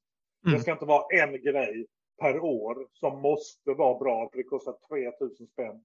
Plus Nej. middag och parkering. Liksom det, vi är mycket mer sådär, fler saker, håll nere priserna. Liksom sådär. Så att jag hoppas ju att Lund 1922, eh, hade jag varit 15 och spelat Cthulhu och någon jävel hade satt upp en rollspelsfestival i Lund med skräck och, och vad fan är det? Så jävla coolt. Så att eh, jag tycker det ska bli... Det vore kul att träffa Linn Hardy och bara liksom säga hej. Uh, men sen ska jag ju försöka se så mycket jag hinner av alla de andra grejerna. Liksom. Ja. Allt ifrån uh, Jonas föredrag om Lovecraft, men också kring hur skriver man skräck och att hälsa på alla konstnärerna, för de är ju ja. fruktansvärt duktiga de här människorna. Uh, artisterna som gör omslag och mm. hemsidor och animationer. Liksom det finns ju så många duktiga människor runt rollspelsproduktion liksom sådär som, som jag känner att jag vill ta del av och berömma och prata med liksom sådär. Och sen bara liksom att vara i, vara där så att om folk vill prata med mig eller fråga, prata rollspel eller vad fan som helst, att vara där som en ambassadör och en resurs för människor och med mitt kändisskap och mitt komikerbredd att försöka dra dit så många nyfikna människor som möjligt. Som, eh, vad är det här för någonting? Ja. ja. Det var ju riktigt roligt det där. Det kanske man skulle prova. Det hade ju varit så jävla kul. Får man bara en familj och börjar spela rollspel så har vi ju lyckats liksom. Um, så att jag eh, ser fram emot liksom hela grejen. Och framförallt är jag väldigt nyfiken på hur mycket folk kommer komma. Har vi nått ut? Är det bara nördar eller är det elitnördarna? Eller du vet liksom. Ja. För det här, om vi, om vi ska göra det fler gånger, det är nu vi lär oss hur ja. man gör liksom. Och då, eh, man ska ta i, men låt det också växa lite grann sådär så att eh, vi hittar en lagom form på det så att det kan få en kontinuitet, för det är då man växer liksom. Mm. Um, så att jag är nyfiken på hela balletten på något sätt, alltihopa. Ja, jag är svintaggad. Jag älskar både kasiler, rollspel, brädspel och så här. Lund är ju vacker stad så in i helvete, framförallt när man kommer in i centrum. Jag levererar ju till Lunds sjukhus, så att eh, det är den delen av Lund jag ser, fast då är jag 17 meter lång och väger 49 ton. Så att, Eh, då är kanske inte Lund Mickes favoritstad, men liksom, men eh, det är en fin stad och eh, jag eh, har ju pratat en del med Björn om det också. Jag älskar att det ska bli liksom Sveriges Arkham och alltså, alla de, alltså det är så att man myser i själen liksom. Det, mm, mer, Vad är Helsingborg? Är Helsingborg insmalt? Eller är det... Ja, jag skulle fan nog säga det med tanke på hur jävla nära vi har till Danmark liksom. Ja, Helsingör är. Ja, så- precis. Eh, alltså jag liksom, jag tycker det är, jag sa det till en polare eh, som är från Dalarna, han kom ner här och bodde hemma hos mig och så. Så sa han det, fan du är ju så jävla nära till allt. Så säger jag, det är därför jag älskar Helsingborg. Liksom. Jag, timme med tåg så är jag nere i Malmö eller Lund eller så åker vi över båten så är vi i Helsingör eller en och en halv timme så är jag på Kastrup liksom och kan åka vart jag vill i världen. Liksom. Jag, jag behöver inte flytta mig. Det är enda tipset jag har om någon skulle flytta till Helsingborg, Lund eller Malmö, ha jacka på dig för det blåser fan alltid. Men Inte minst i Helsingborg och Malmö. Yes, precis. Det liksom spelar ingen roll. Eh, jag tänkte den avslutande frågan, Anders. Mm. Eh, tre tips till någon som vill prova spela rollspel. Vad har du för tips att ge dem? Eh, ja, det finns, alltså nu, när vi började så fanns det inte så många spel. Sen kom det ju typ ett spel i månaden ungefär. TSR producerar ju, vi köpte allihopa. Um, man hittar liksom några likasinnade som också ville spela. Alltså några som tycker det skulle vara kul att testa. Och sen gå till någon spelbutik. Jag menar, science fiction-bokhandeln, det är ganska kunnig personal. Eller liksom spelbutikerna i, vi har väl någon i Helsingborg som är bra liksom. Och Malmö och Lund har ju sina spelbutiker. Prata lite med dem där om Vissa gillar ju Star Wars, ja då finns det som rollspel. Mm. Vissa vill ha fantasy, vissa vill ha mer Mad Max. Ja, men det finns det också. Så att det, det gäller ju liksom att hitta ett regelsystem, börja liksom med något enkelt sådär. Så att det är väl att hitta liksom tre, fyra polare som vill testa. Och sen gå till en butik. Det är inte så jävla dyrt. Det kostar liksom 500 spänn och sen 100 spänn för en låda tärningar. Och sen prova. Prova er fram, liksom testa ett rollspel. Men ge inte upp efter första gången. Utan det, det tar ju lite tid att lära sig komma in i gängorna liksom sådär. Och vissa går igång som jag gjorde. Vissa förvandlas över en natt. Det här var Mm. det bästa jag gjort. Nu ska jag göra spel själv. Preach. Och vissa, och vissa kanske liksom eh, tar lite längre för dem att komma in i det. Utan försök hitta en liten kontinuitet. En gång i månaden, en gång varannan vecka kanske. Mm. Antingen på Zoom eller liksom eh, IRL eller en blandning. Liksom. Och försöka få lite kontinuitet i det. För att det blir ju roligare ju mer man gör det nästan. Alltså det, Och lättare inom kaninöron. Ja. Att, absolut. Så det är väl de eh, tre tipsen. Mm. Likasinnade, köp ett bra rollspel som passar din genre. Sci-fi, skräck, fantasy, spelar ingen roll. Och sen gör det några gånger. Inte bara en gång, utan gör det tio gånger. Jag brukar, det där brukar jag ofta liksom till mina barn. Att, ja, men ni kan inte bara se ett avsnitt av en tv-serie. nej, Utan ge det åtminstone fyra avsnitt. Och sen kan ni, nej jag blir inte riktigt högt. För ni anar inte hur mycket information som måste ut. i första pilotavsnittet. Pilot, liksom piloter kan man liksom, sen finns det vissa piloter som gör exakt det. Ehm, vet du varför det heter pilot? Nej. Because it's going on the air. Ah. Nej, vänta nu. On air. Ja. Så det är därifrån eh, begreppet pilot, första avsnitt. eh, Om någonting ska on air sen när man är färdig med pilot. Så att eh, det är sån här lite märklig showbiz-kuriosa. Ja. ja the, the more you know. Eh, och sen avslutar vi inte den för att den är copyrightad. Så. Nej, nej, det är ju det också jag gillar, framförallt om man tittar på rollspel. Jag vet inte hur mycket indie-rollspel du har provat, men jag älskar den genren också. Just att eh, Inte så mycket. Nej, det har vi nog inte gjort så mycket. jag har ett spel jag skulle vilja spela med dig, Anders. Ribbon Drive. Det är helt drivet av musik. Så man gör en, ja, man gör en spellista och eh, sen så slumpar man fram, så vi säger vi tar tio låtar var, vi säger det liksom till gruppen, så säger du, du drar ihop ett par polare så kommer jag med det. Och det är typ 49 sidor. Ja, jag tror inte ens det, 24 till och med. Uh, så säger vi 10, 10 låtar ska vi ha.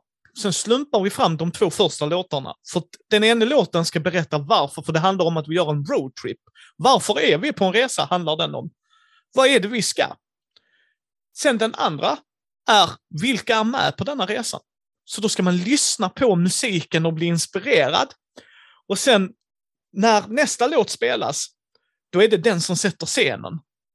Nej, vad Yes, så inga tärningar rullas, utan det är bara musik. Och jag älskar musik. Det är liksom så, jag är sjukt dålig på att sjunga och spela och så, men, men jag uppskattar musik. Det är en väldigt stor del i mitt liv. Och jag älskar det här rollspelet, för det var verkligen så här, så genialiskt. Verkligen. Det måste jag få prova någon gång. Det, yes, det alltså hands down, bara säg till för jag kommer åka ner och spela med dig och dina polare. Så jag, jag har den. Ja, eh, och det, det, jag har aldrig talat om. Nej, Ribbon Drive, eh, om folk undrar vad det är. Jag har preachat om det på den innan och jag älskar det. För att det är verkligen så här. Och inget spel blir det andra likt. För helt plötsligt kanske du har en polare som har så här, tio heavy metal-låtar man bara, mm. jaha, vad har du? Liksom jazz. Jaha, det här kommer ju liksom... Men det får vara så. Att det är helt okej okay det med. Va? Men det är det som är så. Så att jag skulle också säga det liksom att märker man att nej, men jag vill friforma mer. Det finns, alltså som Anders säger, det finns. Ge inte upp. Märker du att ah, jag gillar inte att rulla tärningar. Nej, där är spel som gör så här sten, sax, påse och det är hela mekaniken och du har jättekul. Eller så är det spela kort. Vi spelar Final Girl som är ett skräckrollspel. En skulle vara the final girl och du sorterade NPC-erna, så att, SLP, alltså karaktärerna, så att det var inte en enda karaktär. Du, du hade inte din, utan, utan det, det roterade. Så någon spelar monstret ena gången så blev det du andra. Alltså, där är verkligen en genre för allt. Ja, så säg till så kommer du få spela Ribbon Drive. Det är fantastiskt jävla roligt. Um, ja, men indiespel är verkligen någonting som jag inte... Jag ser ju dem, alltså ibland mm. i affärerna eller på hemsidor och sådär. Men, men Nej, vi har kört de gamla klassikerna. Och, och det är kul det med. Utan det, det, det, kan jag säga, genren där har öppnats upp eftersom jag har börjat podda med folk och som också brinner för den. Liksom, ta en titt på det här och så tar man en titt på det. Det här var ju genialiskt. Vad är det? Ja, du... Självpublikation har ändå blivit ett, en möjlighet. Liksom att man kan, och pdf-er och jag vet, oh, ja. det har ju öppnat upp, öppnat upp ganska mycket möjligheter både för folk som skriver äventyr men också folk som gör egna spel. Och det är ju skitkul. Det är precis som, jag menar, köper man kortspel som har ny egen mekanik. Det, det är superhäftigt liksom. Ja. Som ett brädspel. Att, ja, det är bara den här kortleken, men det blir ett spel nu när vi kör det och det liknar ingenting annat. Ja, jag gillar det starkt. Uh, och som Anders sa, där är, länkar kommer vara till Lund 1922 i show notesen gott folk och jag kommer länka till din, för du har Twitter och din Facebook va? Om folk vill följa dig. Ja, Facebook är minst på kan jag säga. Men eh, det är väl bra att ta Facebook också. Instagram är jag lite mer på. Men ja. Eh, ja.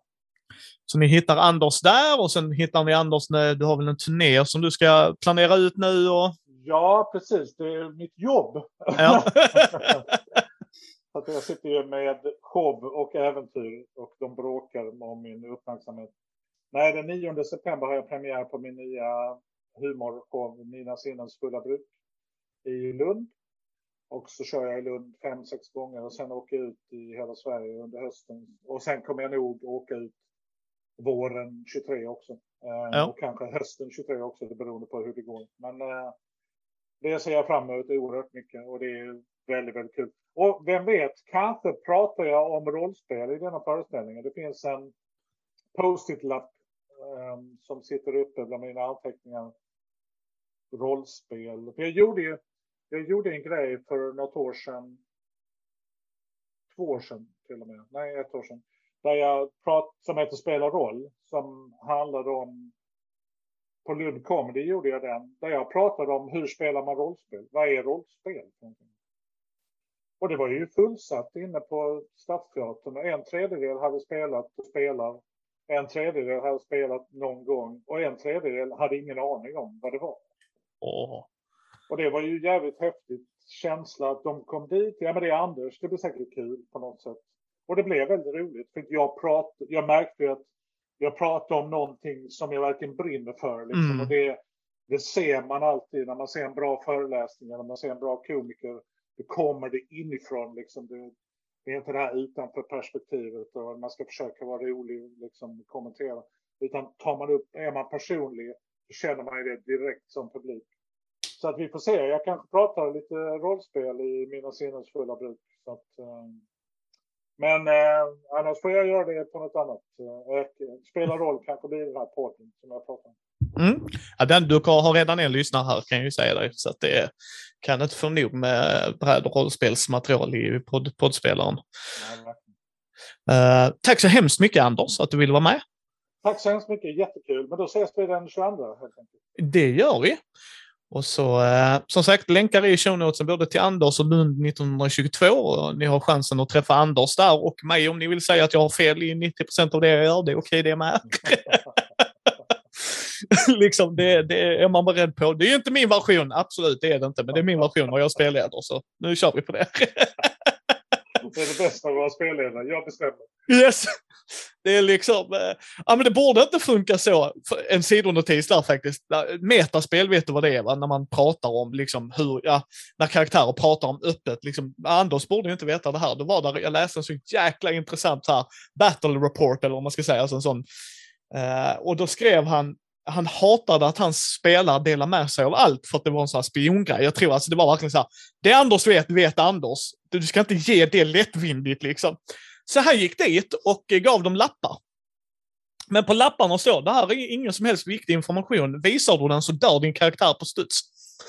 Så det var liksom, han var så trött på det. Och liksom så, varför stod det på lappen? Nej, inget. Ja, men kom igen nu Anders, säger du så här, inget. Kan, kan, jag få se den? Nej. Då, men då står det ju något! Alltså, var det verkligen sådana? Sen, sen lärde han sig, han sa visst det är extremt, men han, han lärde sina spelare det och jag tycker, ja, ja det, det var ju också ett intressant sätt att lösa det. Jag vet inte om jag själv hade gjort det, men uh, okej, okay, A for effort liksom. Um, jo, så. men det, nu kommer jag att tänka på en annan grej. Det, så vi, det tar aldrig slut denna podden. Nej. Eh, jo, ibland kan man som spelledare Ibland lägger jag in skillchecks bara för att skaka om buren lite. Yes! Ja, Slå på tiden. Ni, ja, ni, ni, går, ni går i huset i träsket i Louisiana. Slår listen. Yes. Ja, klar, var det någon som klarade? Nej. Okej, okay, ni går vidare. Ja, men vad var det då? Vad, vad... Nej, alltså, det skapar, bara... skapar man en känsla av att Fuck, vi hörde inte! Det är någonting bakom oss nu.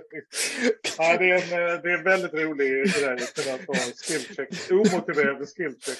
Det, det var någon som frågade mig och en annan Call of Cthulhu-spelare. Hur fan ska man överleva Call of, överleva Call of Cthulhu? Skitenkelt. Vadå? Noll i spot-hidden, noll i listen. Då ser noll, i ID. Som, aldrig blivit temporary insane.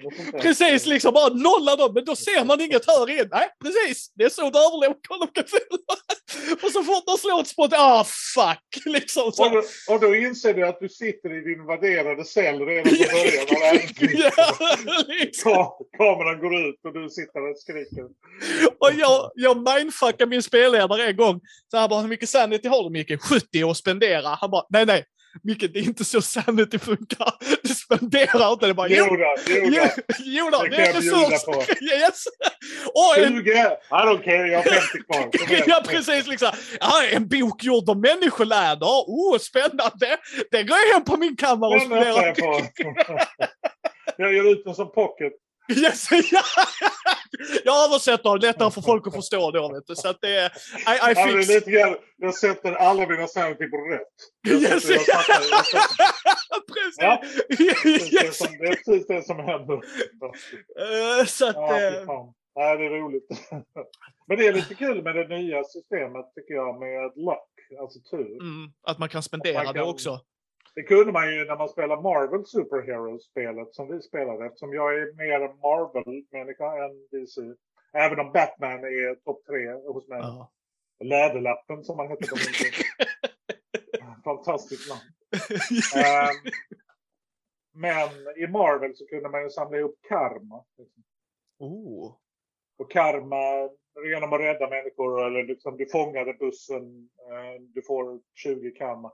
Sen kunde man använda det när man skulle göra avgörande slag. Sådär. Så det är lite samma.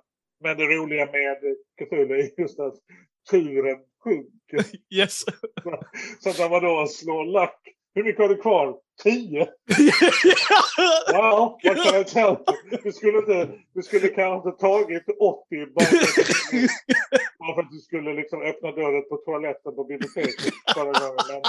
Men nu är du, du har bara tio kvar. Fan, fan, kan jag låna tur av dig? Nej, nej, inga jävla sms-lån. Det funkar inte. Det, fan, där kan vi tjäna pengar. Om vi börjar med SMS Sanity via sms Ja, men Anders skickar, skickar, han godkände lånet.